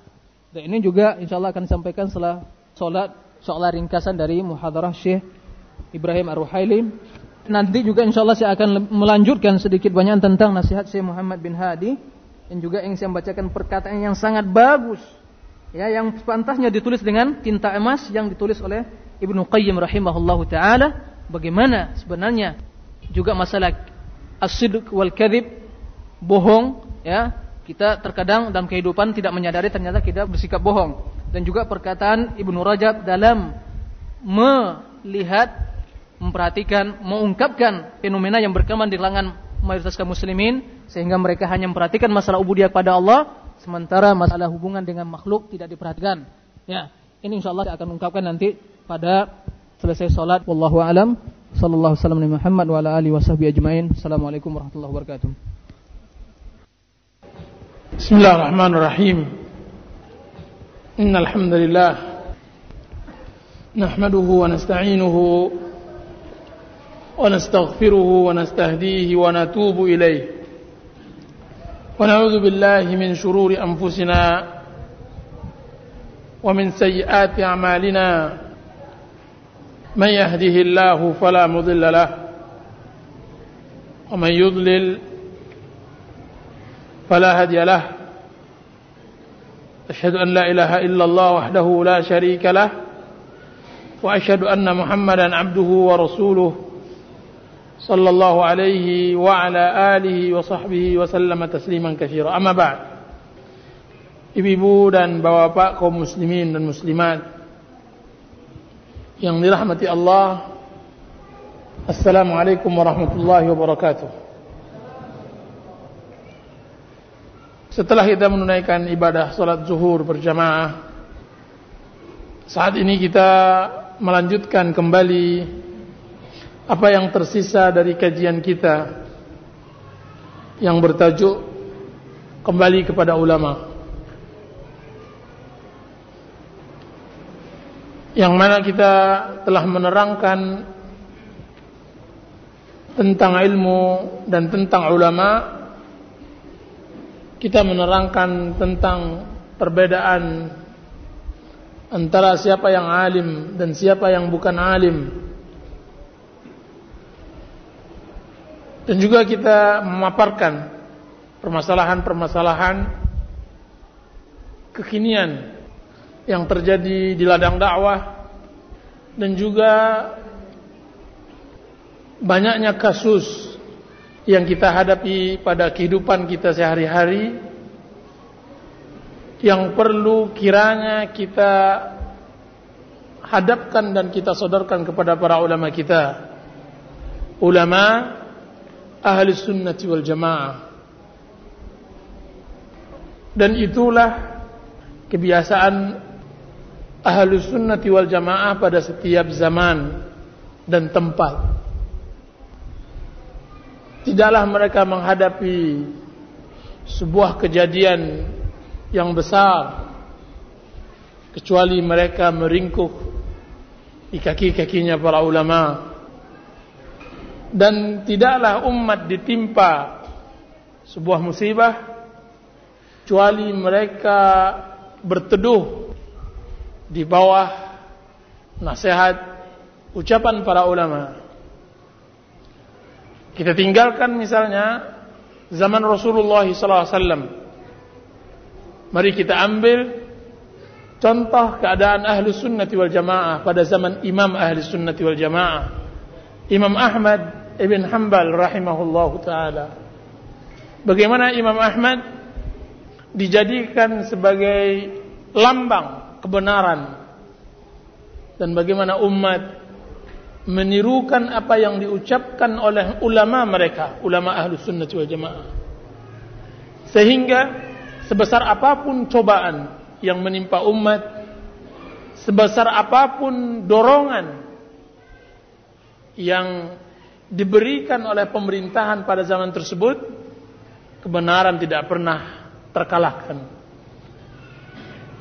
Benar rasanya apa yang diucapkan oleh Rabb kita, "Qul al-haq wa zahaqal batil, innal batila kana zahuqa." Katakanlah sungguhnya kebenaran telah datang dan hancurlah kebatilan sesungguhnya kebatilan pasti akan musnah itulah yang diungkapkan oleh seorang murid yang berbakti kepada gurunya Imam Ibn Qayyim rahimahullahu taala kepada gurunya Syekhul Islam Ibn Taimiyah rahimahullahu taala yang dia mengatakan sesungguhnya kami dan yang mengatakan kami adalah Ibnu Qayyim, imam bersama kawan-kawannya Ibnu Rajab, Ibnu Abdul Hadi, Al-Mizzi, Al-Zahabi. Mereka adalah gunung-gunungnya ilmu. Mereka mengatakan sesungguhnya kami jika menimpa kami musibah yang tidak tertahankan oleh kami, maka kami berselindung kepada ucapannya Syekhul Islam Ibnu Taimiyah rahimahullah. Kiranya kami dapatkan minuman yang menyejukkan kami. Kami dapatkan ketenangan di bawah ucapannya. Dan subhanallah, Allah telah menciptakan kenikmatan dunia sebelum Allah berikan kepada umatnya tentang kenikmatan akhirat. Berarti bahwa kembali kepada ulama adalah sebuah nikmat. Adalah sebuah berkah. Itulah yang disebutkan oleh Rasul oleh Allah Subhanahu wa taala di dalam surat dari suratnya yang ada di dalam Al-Qur'an walau rudduhu ila Allah wa ila Rasul kalau mereka kembalikan perkara mereka kepada Allah dan kepada Rasul dan jelas ulama adalah bagian yang terdepan di dalam masalah pengembalian ini karena mereka lah orang yang mengetahui apa yang diucapkan oleh Allah Subhanahu wa taala dan apa yang disampaikan oleh rasulnya. Para ikhwan dan akhwat yang dirahmati oleh Allah Subhanahu wa taala. Fase-fase dakwah yang kita lalui semenjak Sumatera mengenal dakwah salaf dan masyarakatnya menganut ajaran ahlu sunnati wal jamaah yang bersih maka hal itu dilalui dengan bermacam bentuk proses yang semua proses tersebut adalah pembelajaran untuk dakwah ahlus sunnati wal jamaah yang masih muda belia ini. Muda belia yang saya maksudkan dibandingkan dengan dakwah-dakwah yang sudah berlalu dan akan sirna. Karena kita tahu bahwa dakwah yang hak yang akan tetap jaya. Karena dia dakwah yang dibangun di atas hak. Karena Allah. Semua dakwah yang dibangun di atas hak maka dia akan jaya. Dan kita tahu dari fase-fase itu juga kita belajar banyak. Baik para da'inya maupun para jamaahnya. Jelas kita adalah manusia yang bukan maksum. Terlepas dari kesalahan. Ada hal-hal yang kadang-kadang kita berucap yang seharusnya kita tarik ucapan tersebut yang kita berikan adalah ucapan yang lebih baik. Ada hal-hal yang kadang-kadang kita bertindak yang mana kalau setelah kita pikirkan tindakan kita tersebut hendaknya kita tarik kemudian kita berikan tindakan yang lebih baik. Ini semuanya adalah pembelajaran dari dakwah yang masih sangat muda ini. Setelah beberapa waktu dan saat dakwah kita memang sudah dikembangkan di pulau kita ini oleh ulama-ulama nenek moyang kita. Maka sering kita katakan bahwa dakwah yang kita bangkitkan ini adalah membangkitkan batang yang terendam. Dia sudah lama. Kan tetapi dia menunggu jiwa-jiwa muda yang ingin mengembalikan kejayaan Islam di kampungnya sendiri. Sebagaimana yang telah dibangkitkan oleh imam-imam, tuanku-tuanku di Sumatera Barat dan imam-imam sebelumnya. Makanya dari fase-fase itulah kita ingin mengetahui tentang kaedah-kaedah dan aturan main di dalam cara bergaul dengan ahlul bid'ah yang memang mereka adalah rumah tinggal mereka pulau ini. Kita adalah pendatang. Karena itu kita harus tahu cara bagaimana mengobati orang-orang yang berpenyakit bid'ah dan bagaimana menempati rumah ahlul bid'ah dengan menggantikannya menjadi ahlus sunnah. Dengan demikian, mudah-mudahan apa yang disyarah nantinya oleh Ustaz Muhammad Nur Ihsan akan memuaskan keinginan kita semua. Waktu dan tempat saya berikan kepada beliau.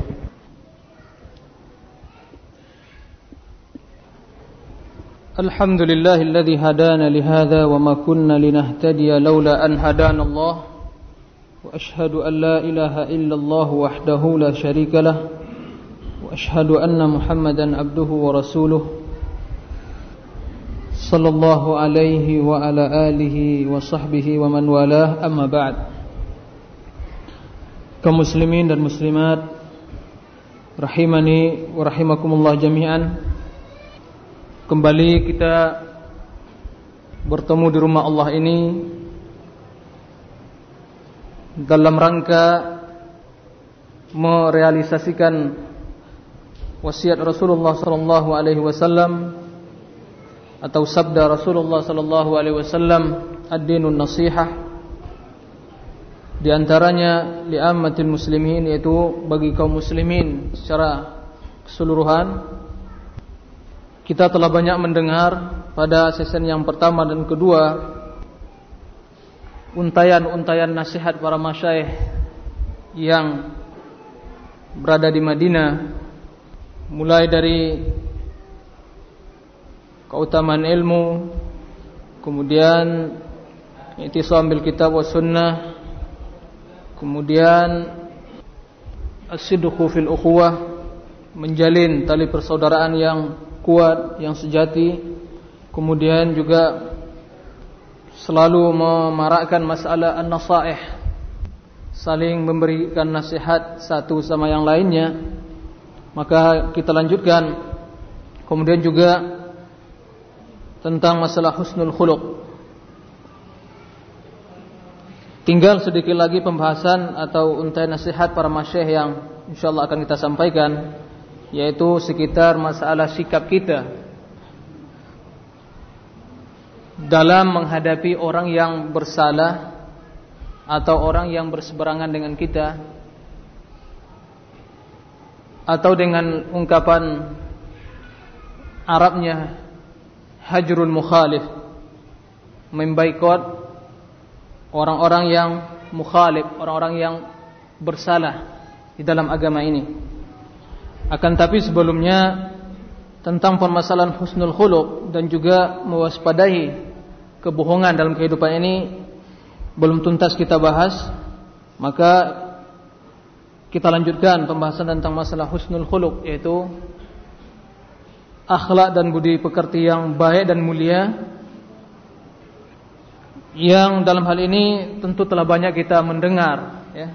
Sebelumnya kita telah mendengar hadis-hadis Rasulullah sallallahu alaihi wasallam dan juga dalam Al-Qur'an. Bahkan juga kita melihat bagaimana kepedulian para ulama salaf di dalam masalah akhlakul karimah atau husnul khuluq. Sehingga sebagian mereka mengarang kitab yang namanya misalnya Adabul Mufrad Imam Bukhari tentang masalah adab-adab Islamiyah akhlak-akhlak Islamiyah dan juga dalam kitab Sahih Bukhari dan Sahih Muslim mereka membawakan bab yang berkenaan dengan masalah akhlak. Ini menjelaskan kepada kita semua bahwa masalah akhlak dengan masalah ibadah tidak bisa dipisahkan sebagaimana yang telah dijelaskan oleh Imam Ibnu Qayyim menjelaskan tentang kehidupan Rasulullah sallallahu alaihi wasallam di mana beliau alaihi salatu wassalam selalu menggabungkan di antara ibadah kepada Allah dan akhlak yang mulia kepada di dalam bersikap, di dalam beraktivitas, di dalam bermuamalah sesama manusia. Kaum muslimin rahimani wa rahimakumullah jami'an.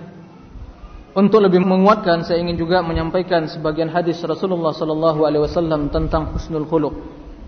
Begitu tingginya posisi atau begitu pentingnya, begitu besarnya ibadah atau husnul khuluq kedudukannya di dalam Islam.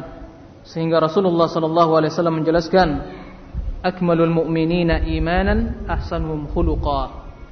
Kaum mukminin yang paling sempurna keimanannya adalah orang yang paling termulia akhlaknya paling baik akhlaknya. Rawa Ahmad wa ghairuh. Bahkan kata Rasulullah sallallahu alaihi wasallam seorang yang berakhlak baik dia akan bisa sampai ke derajat tingkatan orang-orang yang as-saimul qaim, orang yang selalu berpuasa dan qiyamul lail. Alaihi salatu wassalam, "Innal mu'mina la yudrika bi husni khuluqihi darajat as-saimil qaim." Sungguhnya orang seorang mukmin sungguh dia akan mencapai tingkatan kedudukan orang-orang yang dengan akhlaknya yang mulia dengan akhlaknya yang baik itu tingkatan atau kedudukan orang-orang yang as-saimul qaim, orang yang sering berpuasa, orang yang qiyamul lail. Di dalam hadis lain juga diriwayatkan oleh Abdullah bin Umar Rasulullah SAW bersabda ala ukhbirukum bi ahabbikum ila Allah wa aqrabukum ilayya manzilatan yaumal qiyamah Sukahkah kalian kata Rasulullah saya sebutkan saya beritahukan orang yang paling dicintai oleh Allah Subhanahu wa taala dan orang yang paling dekat duduknya, tempat duduknya nanti di yaumil akhirah. Yang paling dekat pada saya kata Rasulullah di yaumil akhirah nantinya. Rasulullah sallam qalu bala, para sahabat bertanya, "Iya ya Rasulullah." Beliau berkata, "Ahsanukum khuluqa," yaitu orang yang paling baik akhlaknya di antara kalian. Ini orang yang paling dicintai oleh Allah Subhanahu wa taala dan orang yang paling dekat duduknya ya dari Rasulullah SAW. Siapa tidak ingin di antara kita ini orang yang paling jadi pendamping Rasulullah SAW paling dekat duduknya dan paling cintai Allah Subhanahu Wa Taala. Tiada lain kecuali untuk memperbaiki akhlak kita. Kemudian juga hadis Abi Umamah radhiyallahu an Rasulullah SAW bersabda, "Ana za'imun bi baitin fi a'lal jannah liman hasuna khuluquh." atau liman ahsana khulaqah. Saya menjamin kata Rasulullah suatu rumah, satu tempat di a'lal jannah, surga yang paling tinggi. Jadi tempat Rasulullah menjamin ya, suatu tempat di surga yang paling tinggi itu untuk siapa? Liman hasuna khuluquh. Bagi orang-orang yang baik akhlaknya, yang mulia akhlaknya. Banyak sekali ayat atau hadis yang menjelaskan keutamaan akhlakul karimah di dalam menjalani ibadah kepada Allah dan dalam bermuamalah berhubungan dengan sama makhluk. Oleh karena itu, sebagai yang saya jelaskan tadi, bahwasanya di antara prinsip dasar akidah ahli sunnah, dinul Islam ini adalah mengkombinasikan antara ibadah kepada Allah dan juga memperbaiki akhlak cara kita bergaul, bermuamalah sama manusia. Maksud husnul khuluq di sini sangat apa? Maknanya cukup komprehensif, luas.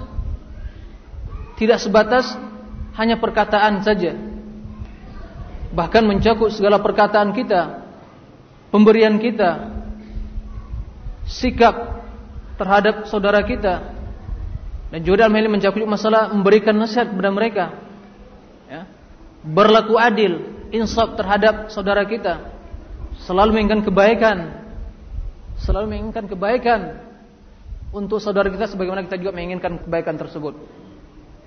Untuk selalu menutupi kesalahan-kesalahan mereka jika permasalahan tersebut belum sampai kepada pihak yang berwenang. Ya, tapi kalau sudah sampai tidak boleh kita tutupi. Tapi seorang yang dalam hidupnya selalu taat dan istiqomah kemudian tergelincir pada suatu hari pada suatu waktu sehingga melaksanakan satu kesalahan maka dalam hal ini kita tutupi karena pada dasarnya orang tersebut bukan orang yang melakukan maksiat dan dosa tapi tergelincir atau salah sehingga sempat melakukan dosa. Banyak bentuk-bentuk husnul khuluq. Ya. Kemudian juga sabar dalam menghadapi cobaan. Baik mungkin itu datang dari saudara kita atau juga dalam hal ini juga kita tasabbut, berhati-hati, tidak langsung menerima berita banyak berita angin yang apa namanya berita burung yang berkembang ya. Kita tersabut ini antara bentuk husnul khuluq. Apalagi dalam masalah selalu meluruskan anggapan-anggapan yang tidak benar terhadap saudara kita. Apalagi kalau seandainya anggapan tersebut dilandasi dengan masalah keduniaan dan materi atau kecemburuan sosial. Ini persaingan hidup kadang. Ya, tapi dalam hal ini kita meyakini semua ditakdirkan oleh Allah Subhanahu wa taala dan masing-masing akan mendapatkan apa yang telah ditakdirkan oleh Allah Subhanahu wa taala. Untuk apa kita hasad? Kenapa kita dengki? Kenapa kita madu domba? Kenapa kita menginginkan kejahatan kepada saudara kita?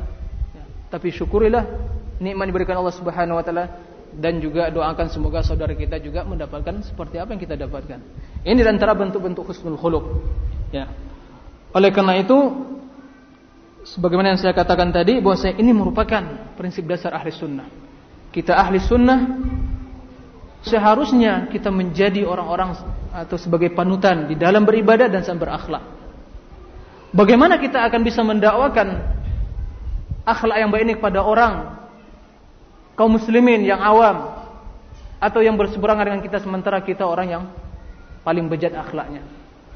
Bagaimana bayang-bayang itu akan lurus kalau seandainya tongkat itu tidak lurus? Faqidu syai' la yu'ti kata orang Arab. Orang yang tidak memiliki bagaimana akan memberi? Ya.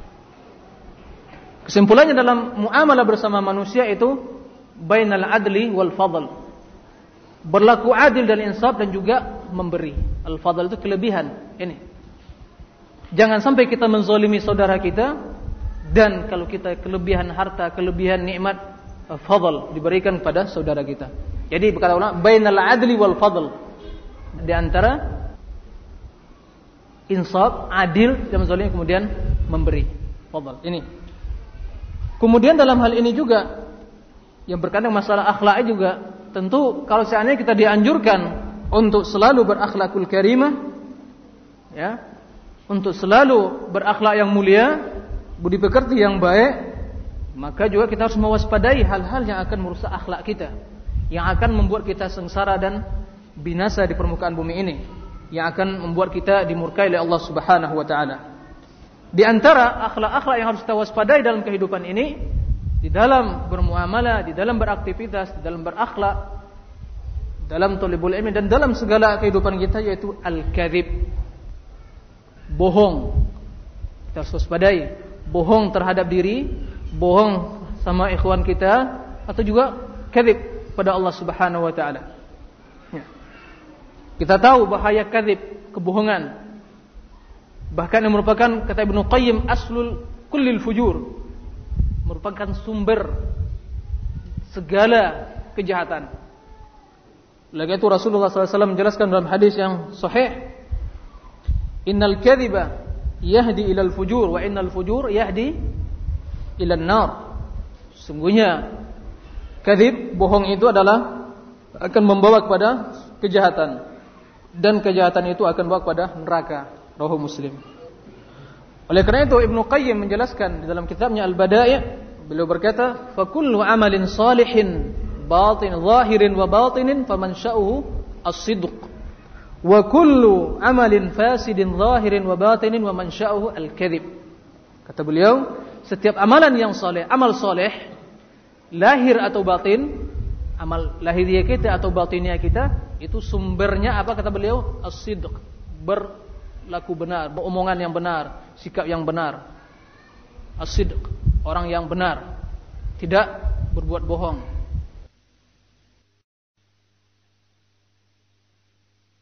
Setelah kita mengetahui akan keutamaan ulama dan kedudukan mereka di sudut pandang Islam dan juga menurut pandangan kaum muslimin. Dan juga kita telah mendengar secara ringkas biografi ulama-ulama Madinah yang telah menyampaikan kajian beberapa minggu yang lalu di Yogyakarta teringat oleh saya akan sebuah hadis Rasulullah SAW. Kenapa kita berbicara memfokuskan permasalahan kepada ulama-ulama Madinah? Kenapa tidak harus ulama-ulama yang lainnya? Bukan berarti bahwa kita berbicara tentang ulama-ulama Madinah bahwa kita adalah murid-muridnya yang belajar di bawah kaki mereka bersimpuh, duduk, mengkaji dan semacamnya. Akan tapi wallahu alam ini adalah tanabbuat. Yang apa yang disampaikan oleh Rasulullah SAW sebagai busra kabar gembira bagi ahli sunnah wal jamaah di akhir zaman. Bahwasanya Rasulullah SAW bersabda innal imana la ya'ziru ila al-madinah kama ta'ziru al-hayyatu ila juhriha. Sungguhnya iman akan kembali ke Madinah sebagaimana kembalinya ular ke dalam sarang ulama-ulama kita telah menyebutkan bahwa iman yang disebutkan adalah ilmu. Dan Madinah adalah sarangnya. Dan ilmu telah kembali kepada sarangnya yang semula yaitu Madinah. Makanya semua dakwah ahlu sunnati wal jamaah di atas permukaan bumi ini tidak ada satupun kecuali pengaruh dakwah Madinah sebagai kota Rasulullah SAW yang di dalamnya adalah Islamic University kecuali di sana ada bekasnya. Sebutlah dakwah Syekh Muhammad Nasruddin Albani. Beliau adalah ulama besar yang mengajar dan pendiri kuliatul hadis. Sebutlah itu di Syam dan sebutlah dakwah Syekh Muqbil bin Hadi Al-Wadi'i di Yaman yang membuka Darul Hadis. Sebutlah dakwah dakwah semuanya maka tidak lepas dari orang-orang lulusan tamatan Madinah. Dan sebutlah dakwah yang anda sekarang berbahagia dengannya. Dakwah ahli sunnah wal jamaah ditamatkan dan dimulai dari ulama-ulama yang belajar di kota Rasulullah SAW dan terakhir orang tua kita, buya kita Jufri Effendi Wahab MA rahimahullahu taala. Dengan demikian jika seandainya begitu pentingnya ulama di dalam pengaruh dakwah dan Islam dan pentingnya kita sebagai kaum muslimin untuk memecahkan problema-problema permasalahan kita kepada mereka maka para ikhwan dan akhwat alangkah banyaknya permasalahan yang harus kita hadapkan dan kita haturkan kepada mereka-mereka ini. Permasalahan pribadi kita permasalahan keluarga kita permasalahan usaha kita permasalahan dakwah kita permasalahan Islam kita harus kita hadapkan dan kita haturkan kepada mereka dan inilah yang akan insyaallah akan disampaikan juga oleh Ustaz Asri tentang masalah pembeberan problema umat Islam dewasa ini. Silakan. Bismillah, alhamdulillah, wassalatu wassalamu ala rasulillah Ma ba'd Lima orang masyayikh Atau ulama yang telah kita jelaskan sedikit dari biografi mereka. Mereka semua adalah ulama-ulama yang berasal dari Madinah, yang domisili di Madinah, sekalipun sebagiannya berasal dari luar Madinah. Tapi mereka lebih mementingkan untuk tinggal di Madinah karena dalil-dalil yang menjelaskan tentang keutamaan kota Madinah dan juga apa yang dijelaskan oleh Ustaz Armin tadi tentang masalah iman itu akan kembali ke kota Madinah. Lima orang masyayikh ini mengupas berbagai macam problematika umat, berbagai macam penyakit hati.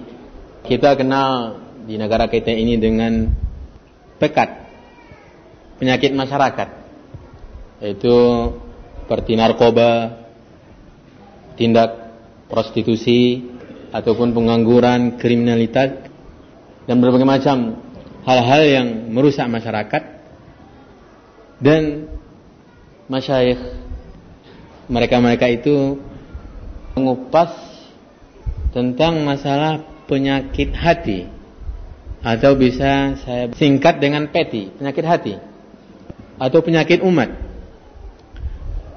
Saya dapat membagi dari penyampaian-penyampaian mereka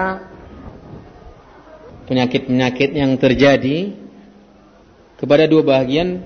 Yang pertama penyakit pribadi, yang timbul dari pribadi. Itu dalam masalah yang pertama su'ul khuluq. Buruknya akhlak. Masyayikh menjelaskan tentang masalah akhlak yang jelek. Kita mengetahui bahwasanya akhlak yang baik atau akhlak yang mulia itu merupakan ibadah. Min ajallil ibadat. Merupakan ibadah yang paling mulia. Bahkan Jumma'ul Khair pusat dari kebaikan itu adalah akhlak yang baik. Makanya Rasulullah SAW sebagaimana diriwayatkan oleh Imamul Muslim, al-birru husnul khuluq. Kebaikan itu adalah akhlak yang mulia. Kita mungkin atau banyak yang meremehkan atau tidak memperhatikan masalah akhlak. Dan itu jelas dijelaskan oleh Al-Hafiz Ibnu Rajab dalam kitabnya Syarah Al-Arba'in An-Nawawiyah Jami' Al-Hunumi wal Hikam beliau mengatakan kathirun minan nas yadhunnu anna at-taqwa hiya al-qiyamu bi huquqillah duna huquqi ibadi. Kebanyakan orang menyangka bahwasanya takwa itu adalah hanya melaksanakan hak-hak Allah. Salat puasa zakat dan lain sebagainya adapun masalah hubungan manusia sama manusia itu diabaikan, dilalaikan. Bagaimana kita ber, berucap, berbicara dengan teman, dengan orang tua, berakhlak dengan orang tua dalam berbicara, dengan guru, dengan ustadz, itu diatur oleh Islam dan itu yang diabaikan. Sebagaimana yang diceritakan oleh Al-Habib Ibn Rajab. Itu di zamannya, di abad yang ke-8. Apalagi di abad kita ini. Masalah berpakaian, berakhlak, bertemu dengan teman, ifsa'us salam, tidak ada lagi saling mengucapkan salam sama kita. Apalagi hal ini kalau didasari oleh salah paham dalam memahami manhaj sunnah wal jamaah. Sehingga tidak lagi akhlak. Akhlak masuk masjid. Akhlak mendengarkan majalis zikir ini dalam masa akhlak akan diobat oleh masyayikh Madinah. Ini fenomena yang terjadi. Kemudian di antara akhlak adalah al-kadzib yang juga dikupas oleh masyayikh itu masalah kadzib, dusta. Masalah memutarbalikkan fakta atau memutarbalikkan kenyataan. Ini sudah kita anggap untayan-untayan kata yang biasa kita lakukan setiap hari. Tidak ada sangkut pautnya dengan Allah Subhanahu wa taala. Berjanji dusta, dalam transaksi jual beli dusta, bahkan dalam menghukum seseorang juga dusta. Menyebarkan perkataan orang persis dengan apa yang dinyatakan Allah terhadap syaitan. Karena para syaitan kul hal unabbiukum ala man tanazzalu syayatin tanazzalu ala kulli affakin athim. Syaitan itu akan turun kepada setiap orang yang berdusta, yang suka berdusta. Menyebarkan perkataan orang atau sikap dalam berhukum, menambahkan dan mengurangi perkataan orang lain, ini juga termasuk malah dusta. Karena Rasulullah SAW mengatakan al-kadzib miftahun nifaq adalah kunci yang akan membuka kita memasuki kemunafikan. Kemunafikan. Sebagaimana Rasul mengatakan ayatul munafiqi salatan di antaranya apa? Idza haddatsa kadzab. Apabila ia berkata dusta. Dan ini dusta ini merupakan akhas sifat aradhilin nas merupakan sifat yang paling jelek dari sifat-sifat orang yang sudah jelek bentuknya. Para preman-preman itu itu kalau kata-kata dusta itu sudah merupakan perkataan biasa. Padahal Rasulullah SAW mengatakan wa ana za'imun fi baitin fi rabadil jannah liman taraka al-kadhib walau kana mazihan. Kadang kita menganggap kalau kita hanya bersenda gurau dengan perkataan-perkataan dusta yang tidak benar itu merupakan hal yang biasa-biasa saja padahal itu merupakan akhlak. Ini kenyataan dan fenomena yang kita anggap itu merupakan hal biasa dan akan diobat oleh para masyayikh nantinya. Kemudian antara fenomena adalah al-khata' fi raddi 'alal mukhalif. Keliru, salah dalam bersikap terhadap orang yang bertentangan, orang yang melakukan kesalahan, orang yang melakukan dosa. Di antara hal ini adalah hajrul mukhalif. Memboikot, memutuskan hubungan dengan orang-orang yang tidak sepaham dengan kita. Ini kesalahan seperti ini banyak terjadi. Ini akan dikupas oleh Syekh Ibrahim Ar-Ruhaili yang perkataan-perkataannya banyak kita nukil dari kitabnya Mauqif Ahli Sunnah wal Jamaah padahal tidak cocok dengan apa yang sebenarnya. Sehingga setiap orang yang tidak sepaham dengan kita, artinya yang salah dalam masalah manhaj atau dalam akidah langsung diputus hubungan. Tidak salam, wala kalam, bahkan kalau bertemu bermasa muka. Ini yang keliru. Jangankan dengan orang-orang yang awam dengan orang-orang yang sama-sama belajar tentang manhaj al-sunnah. Sama-sama mendekatkan diri kepada ajaran yang benar, akan tapi salah dalam atau sebatas ilmunya, dia keliru dan tidak sebab dengan kita, akhirnya kita hajar, ditahdir. Jangan berhubungan, jangankan berhubungan tentang masalah muamalah yang biasa dinamakan muamalah diniyah, muamalah dunyawiyah, transaksi jual beli pun yang mana Rasulullah SAW membolehkan dengan orang Yahudi diputus. Ini keliru dan ini fenomena yang harus diobat. Dan ini yang telah diobat oleh mas yang menyampaikan nasihatnya di Jogja. Kemudian di antara bersikap dengan mukhalif yang diobat fenomena yang terjadi adalah fitnatut takfir. Adalah masalah mengkafirkan, pengkafiran. Orang yang berlaku dosa besar atau para pemimpin penguasa-penguasa yang mereka anggap tidak berhukum kepada hukum-hukum Allah dikafirkan akhirnya langsung mengangkat senjata ini problema yang memang akar-akarnya sudah ada di, di akhir-akhir zaman para sahabat. Munculnya khawarij. Kelompok yang kita sebutkan ciri-ciri mereka. Di saat kita bicara tentang ilmu Rasulullah SAW menjelaskan mereka itu adalah yamruquna minas sahmi din kama yamruqus sahmu minar ramiyah. Mereka itu keluar dari agama Islam sebagaimana anak panah keluar dari sasarannya. Begitu kencangnya, kuatnya pelesatan anak panah itu sehingga tepat pada masa keluar dari sasarannya tidak meninggalkan bekas di anak panah itu. Begitu kuatnya, tajamnya anak panah. Begitulah orang-orang yang khawar ini disebutkan Rasulullah SAW mereka keluar dari agama Islam tidak meninggalkan bekas sedikit pun. Wala ibadah, wala fiqh terhadap agama.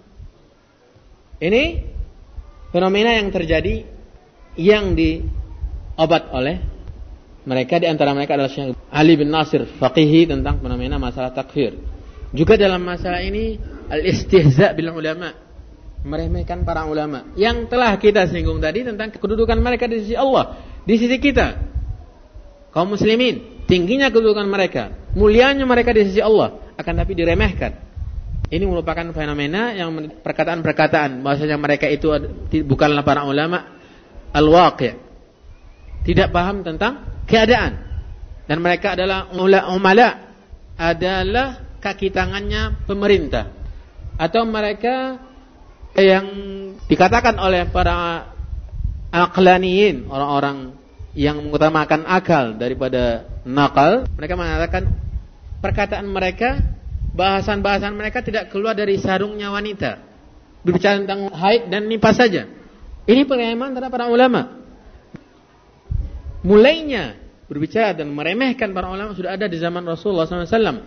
Di mana orang-orang munafik menghina dan mencela para sahabat.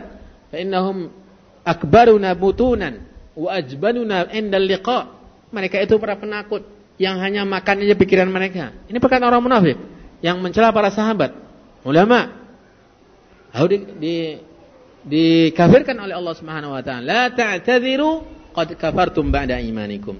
Perkataan-perkataan seperti ini dan bagaimana para zanadiqah yang mencela para sahabat mencela Abu Hurairah dan mengkafirkan Uthman bin Affan Ali bin Abi Thalib ini merupakan fenomena yang juga sampai sekarang ini masih ada dahan-dahannya, cabang-cabangnya yang bagaimana ini adalah merupakan manhaj Yahudi untuk menyesatkan kita. Karena kalau kita sudah terpisah dari para ulama, maka tidak ada lagi rujuk kepada kitab dan sunnah. Karena sudah semakin samar tentang ajaran Islam ini, semakin berkurang pemahaman tentang Islam karena jauhnya kita dari para ulama. Di sinilah kita akan uh, jelaskan bagaimana para masyayikh mengobati fenomena dan penyakit yang disinggung oleh para ulama masyayikh di Jogja itu. Mudah-mudahan nanti kita ber, dengar bersama dan mengambil manfaat dari apa yang mereka sampaikan. Wallahu a'lam.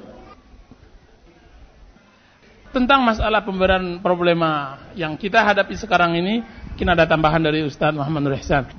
Di sini saya juga ingin menambahkan permasalahan yang juga merupakan fenomena kita yang berkembang belakangan ini, apalagi orang-orang yang mereka menamakan dai-dai salafi atau dai-dai sunnah sehingga dengan perbuatan dan sikap dan cara mereka orang menilai akidah ahli sunnah atau menilai manhaj salaf atau menilai dakwah salafiyah merupakan dakwah yang keras, dakwah yang brutal atau dakwah yang suka menghajar orang atau mentahdir orang atau hal-hal yang pada dasarnya dakwah salaf atau ahli sunnah berlepas diri dari tudingan-tudingan mereka.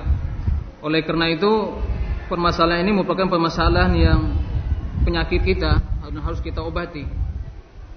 Yaitu permasalahan bersikap brutal dan sikap keras terhadap baik sesama kita terhadap orang yang berselisih pendapat atau yang berseberangan dengan kita. Ini fenomena ini dapat kita lihat dalam juga kita berdakwah atau terkadang dalam sesama kita tidak ada lemah lembut atau hilangnya atau kurangnya sikap lemah lembut dan keterhati-hatian atau sikap yang bijak di dalam mensikapi permasalahan yang terjadi di kalangan salafin atau kaum muslimin secara umum. Ya sehingga banyak yang terkadang main hakim sendiri atau terkadang mengatasnamakan dakwah Kamilah yang salafi sementara yang lain adalah sururi atau khalafi atau keluar dari manhaj. sikap keras ini atau tidak adanya lemah lembut dalam mensikapi kesalahan atau bersikap maka telah menjelek nama salaf atau dakwah salafi itu sendiri yaitu ada murrifki wal tidak ada sifat lemah lembut penyantun kasih sayang di dalam mensikapi di dalam menanggapi permasalahan yang berkembang yang terjadi di kalangan salafin atau di kalangan kaum muslimin secara umum.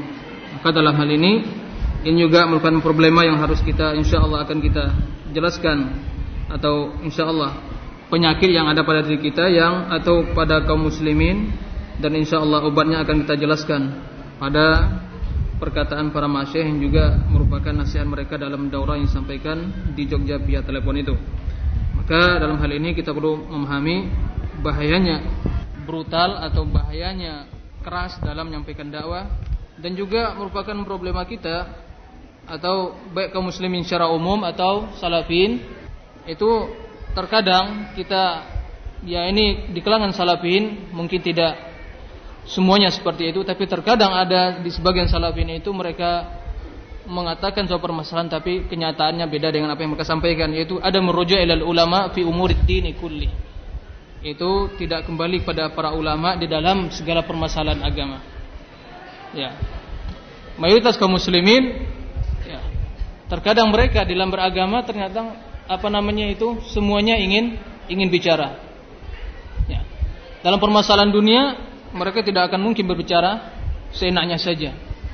Dan tapi dalam masalah agama sangat berani manusia berbicara masalah din ini semua berbicara. Ya, bintang film pun bicara masalah agama. Dai-dai karbitan bicara masalah agama. Orang-orang yang aklaniun bicara masalah agama. Semua tukang sihir bicara masalah agama, dukun bicara masalah agama. Ya, tidak dikembalikan permasalahan pada ahli ilmu para ulama. Dan juga terkadang di kalangan kita, kita menamakan kita dai ahli sunnah tapi terkadang kita dalam menyampaikan permasalahan memilah-milah. Ini syekh kami dan ini syekh bukan syekh kami. Ya lantas yang ditanyakan pada syekh kami saja ini syekh kami. Itu bukan syekh kami. Atau mungkin terkadang dalam permasalahan tidak apa namanya itu tidak semua omongan dan keinginan yang kita sampaikan itu bisa ditanggapi oleh para masyarakat atau bisa di mereka menyampaikannya atau memberikan jawaban sesuai dengan keinginan kita. Maka kita pilih-pilih.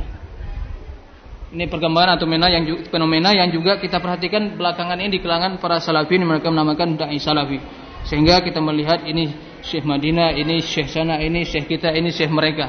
Ya, ini memilah-milah hal seperti ini juga merupakan hal-hal yang sangat berbahaya yang akan bisa merusak dakwah salaf dan juga akan merusak kaum muslimin atau ahli sunnah secara umum dan akan menyebabkan perpecahan di kalangan ahli sunnah secara khusus dan kaum muslimin secara umum.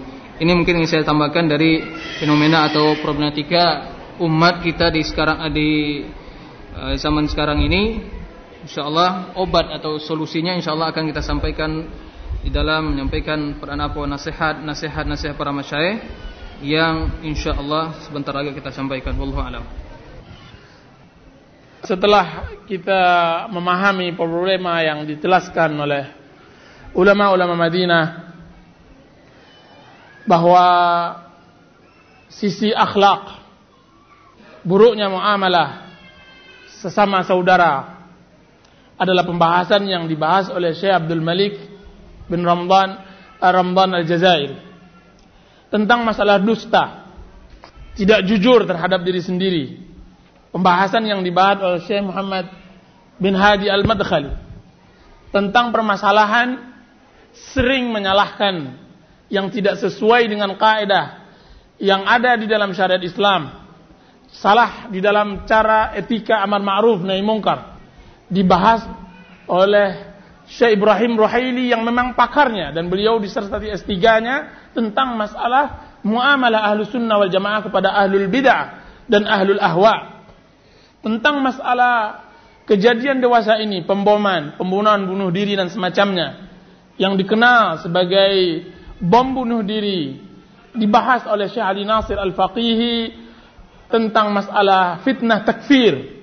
Fitnah tentang pengkafiran bermula mulai mengkafirkan kemudian berakhir dengan penghalalan darah dengan cara membom dan pelecehan terhadap ulama Pembahasan yang juga dibahas oleh Syekh Ali Nasir Al-Faqihi. Problema ini dibahas oleh ulama kita.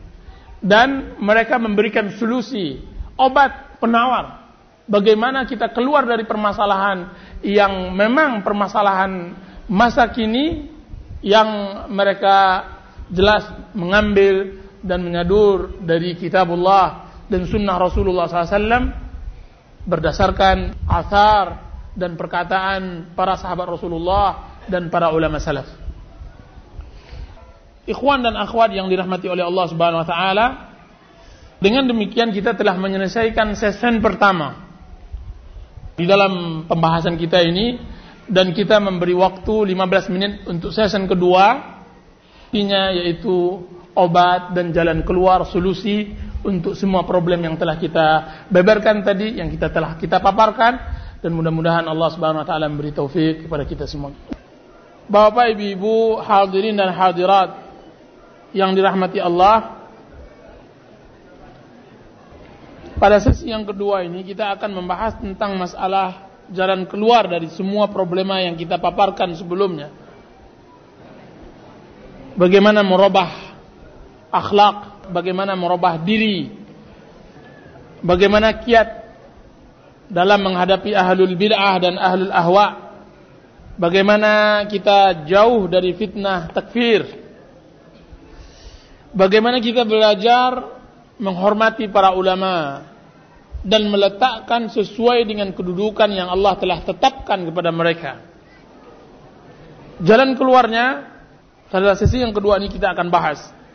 Salah satu hal yang sangat besar dan dia adalah inti dari semua jalan keluar dan dia adalah jawaban dari semua problema yang kita hadapi adalah kembali kepada kitabullah dan sunnah Rasulullah SAW. Berpegang teguh dengan Al-Quranul Karim dan sabda Rasulullah SAW. Bukankah Rasulullah SAW telah menyatakan di dalam hadis Irbad bin Sariyah yang sangat panjang, "Alaikum bisunnati wa sunnatil khulafa'ir rasyidin al-mahdiyyin min ba'di." Hendaklah kalian berpegang teguh dengan sunnahku dan sunnah khulafa ar-rasyidin yang diberi petunjuk setelahku nantinya. Untuk memahami kembali kepada kitabullah dan sunnah Rasulullah dan untuk sebuah pengertian tentang berpegang teguh dengan kitabullah dan sunnah Rasulullah kita berikan waktu kepada Ustadz Asbri untuk menerangkan makna arti berpegang teguh, keutamaan berpegang teguh, dalil-dalil dari Al-Quran dan Sunnah tentang berpegang teguh dan bagaimana caranya berpegang teguh dengan kitabullah dan sunnah Rasulullah. Kepada beliau saya persilahkan.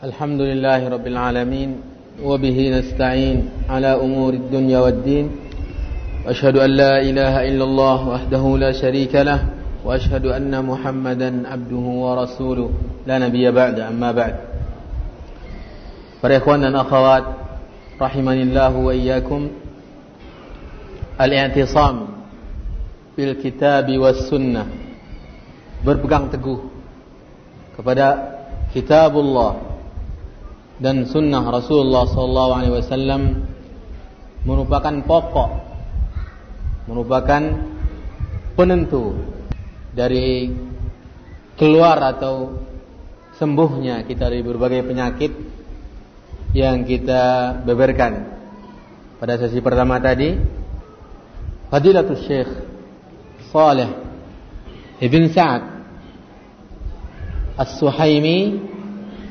Hafizahullah Syekh Dr. Saleh bin Sa'ad Suhaimi membicarakan masalah itisam berpegang teguh kita kepada Al-Quran dan Sunnah ini dengan panjang lebar. Beliau mengatakan apa maksud atau arti makna daripada berpegang teguh kepada kitab dan sunnah. Kata beliau, al-i'tisam bil kitab was sunnah huwa ayyubdhilal muslim qusara juhdihi fil wuquf 'inda an-nusus as-shar'iyyah ya'khudhu minha at-tariq alladhi ya'budu bihi rabbah wa yaqifu 'indaha qawlan wa 'amalan wa i'tiqadan kata beliau berpegang teguh kepada kitabullah. Dan sunnah Rasulullah sallallahu alaihi wasallam artinya ayyubdhilal muslim seorang muslim berupaya atau berusaha kusara juhdihi dengan semaksimal mungkin. Fil wuquf inda nusus syar'iyyah untuk tegak berdiri pada nas-nas syariat berpegang teguh kepada nusus syariah apa yang dikatakan syariat? Ia katakan. Apa yang diperintahkan oleh syariat? Ia lakukan. Dan apa yang dilarang oleh syariat? Ia tinggalkan. Ini makna daripada al-i'tisam bil kitab wa sunnah. Ya'khudhu minha di mana ia mengambil dari nusus syariah dari dalil-dalil Al-Qur'an dan sunnah at-tariq alladhi ya'budu bihi rabbah cara metode tariq jalan bagaimana ia beribadah kepada Allah. Bagaimana ia melaksanakan ubudiyah melaksanakan penghambaan diri kepada Allah Subhanahu wa taala. Wa yaqifu 'indaha dan dia berhenti. Pada nusus syariah tersebut baik itu qaulan wa amalan wa i'tiqadan baik itu dalam masalah ucapan apa pun ucapan yang dibenarkan oleh syariat ya ucapkan. Dan apa pun perkataan yang tidak dibenarkan oleh syariat ia tidak berbicara.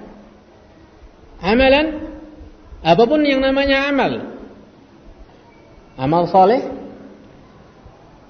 yaqifu inda nusus syar'iyyah.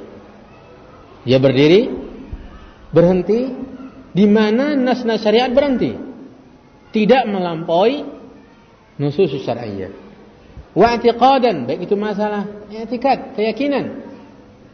Ini makna al-i'tisam bil kitab wa sunnah sebagaimana yang dijelaskan oleh Syekh Saleh Ibn Sa'ad As-Suhaimi beliau menjelaskan lebih lanjut ay la ya'malu amalan hatta ya'lama anna hadzal amal mustanidan ila dalilin min qouli Allah ta'ala aw sunnati rasulih sallallahu alaihi wasallam aw la ya'budu Allah ala basirah Artinya la ya'malu amal. Dia tidak melakukan suatu amalan, tidak mengucapkan suatu perbuatan, suatu perkataan.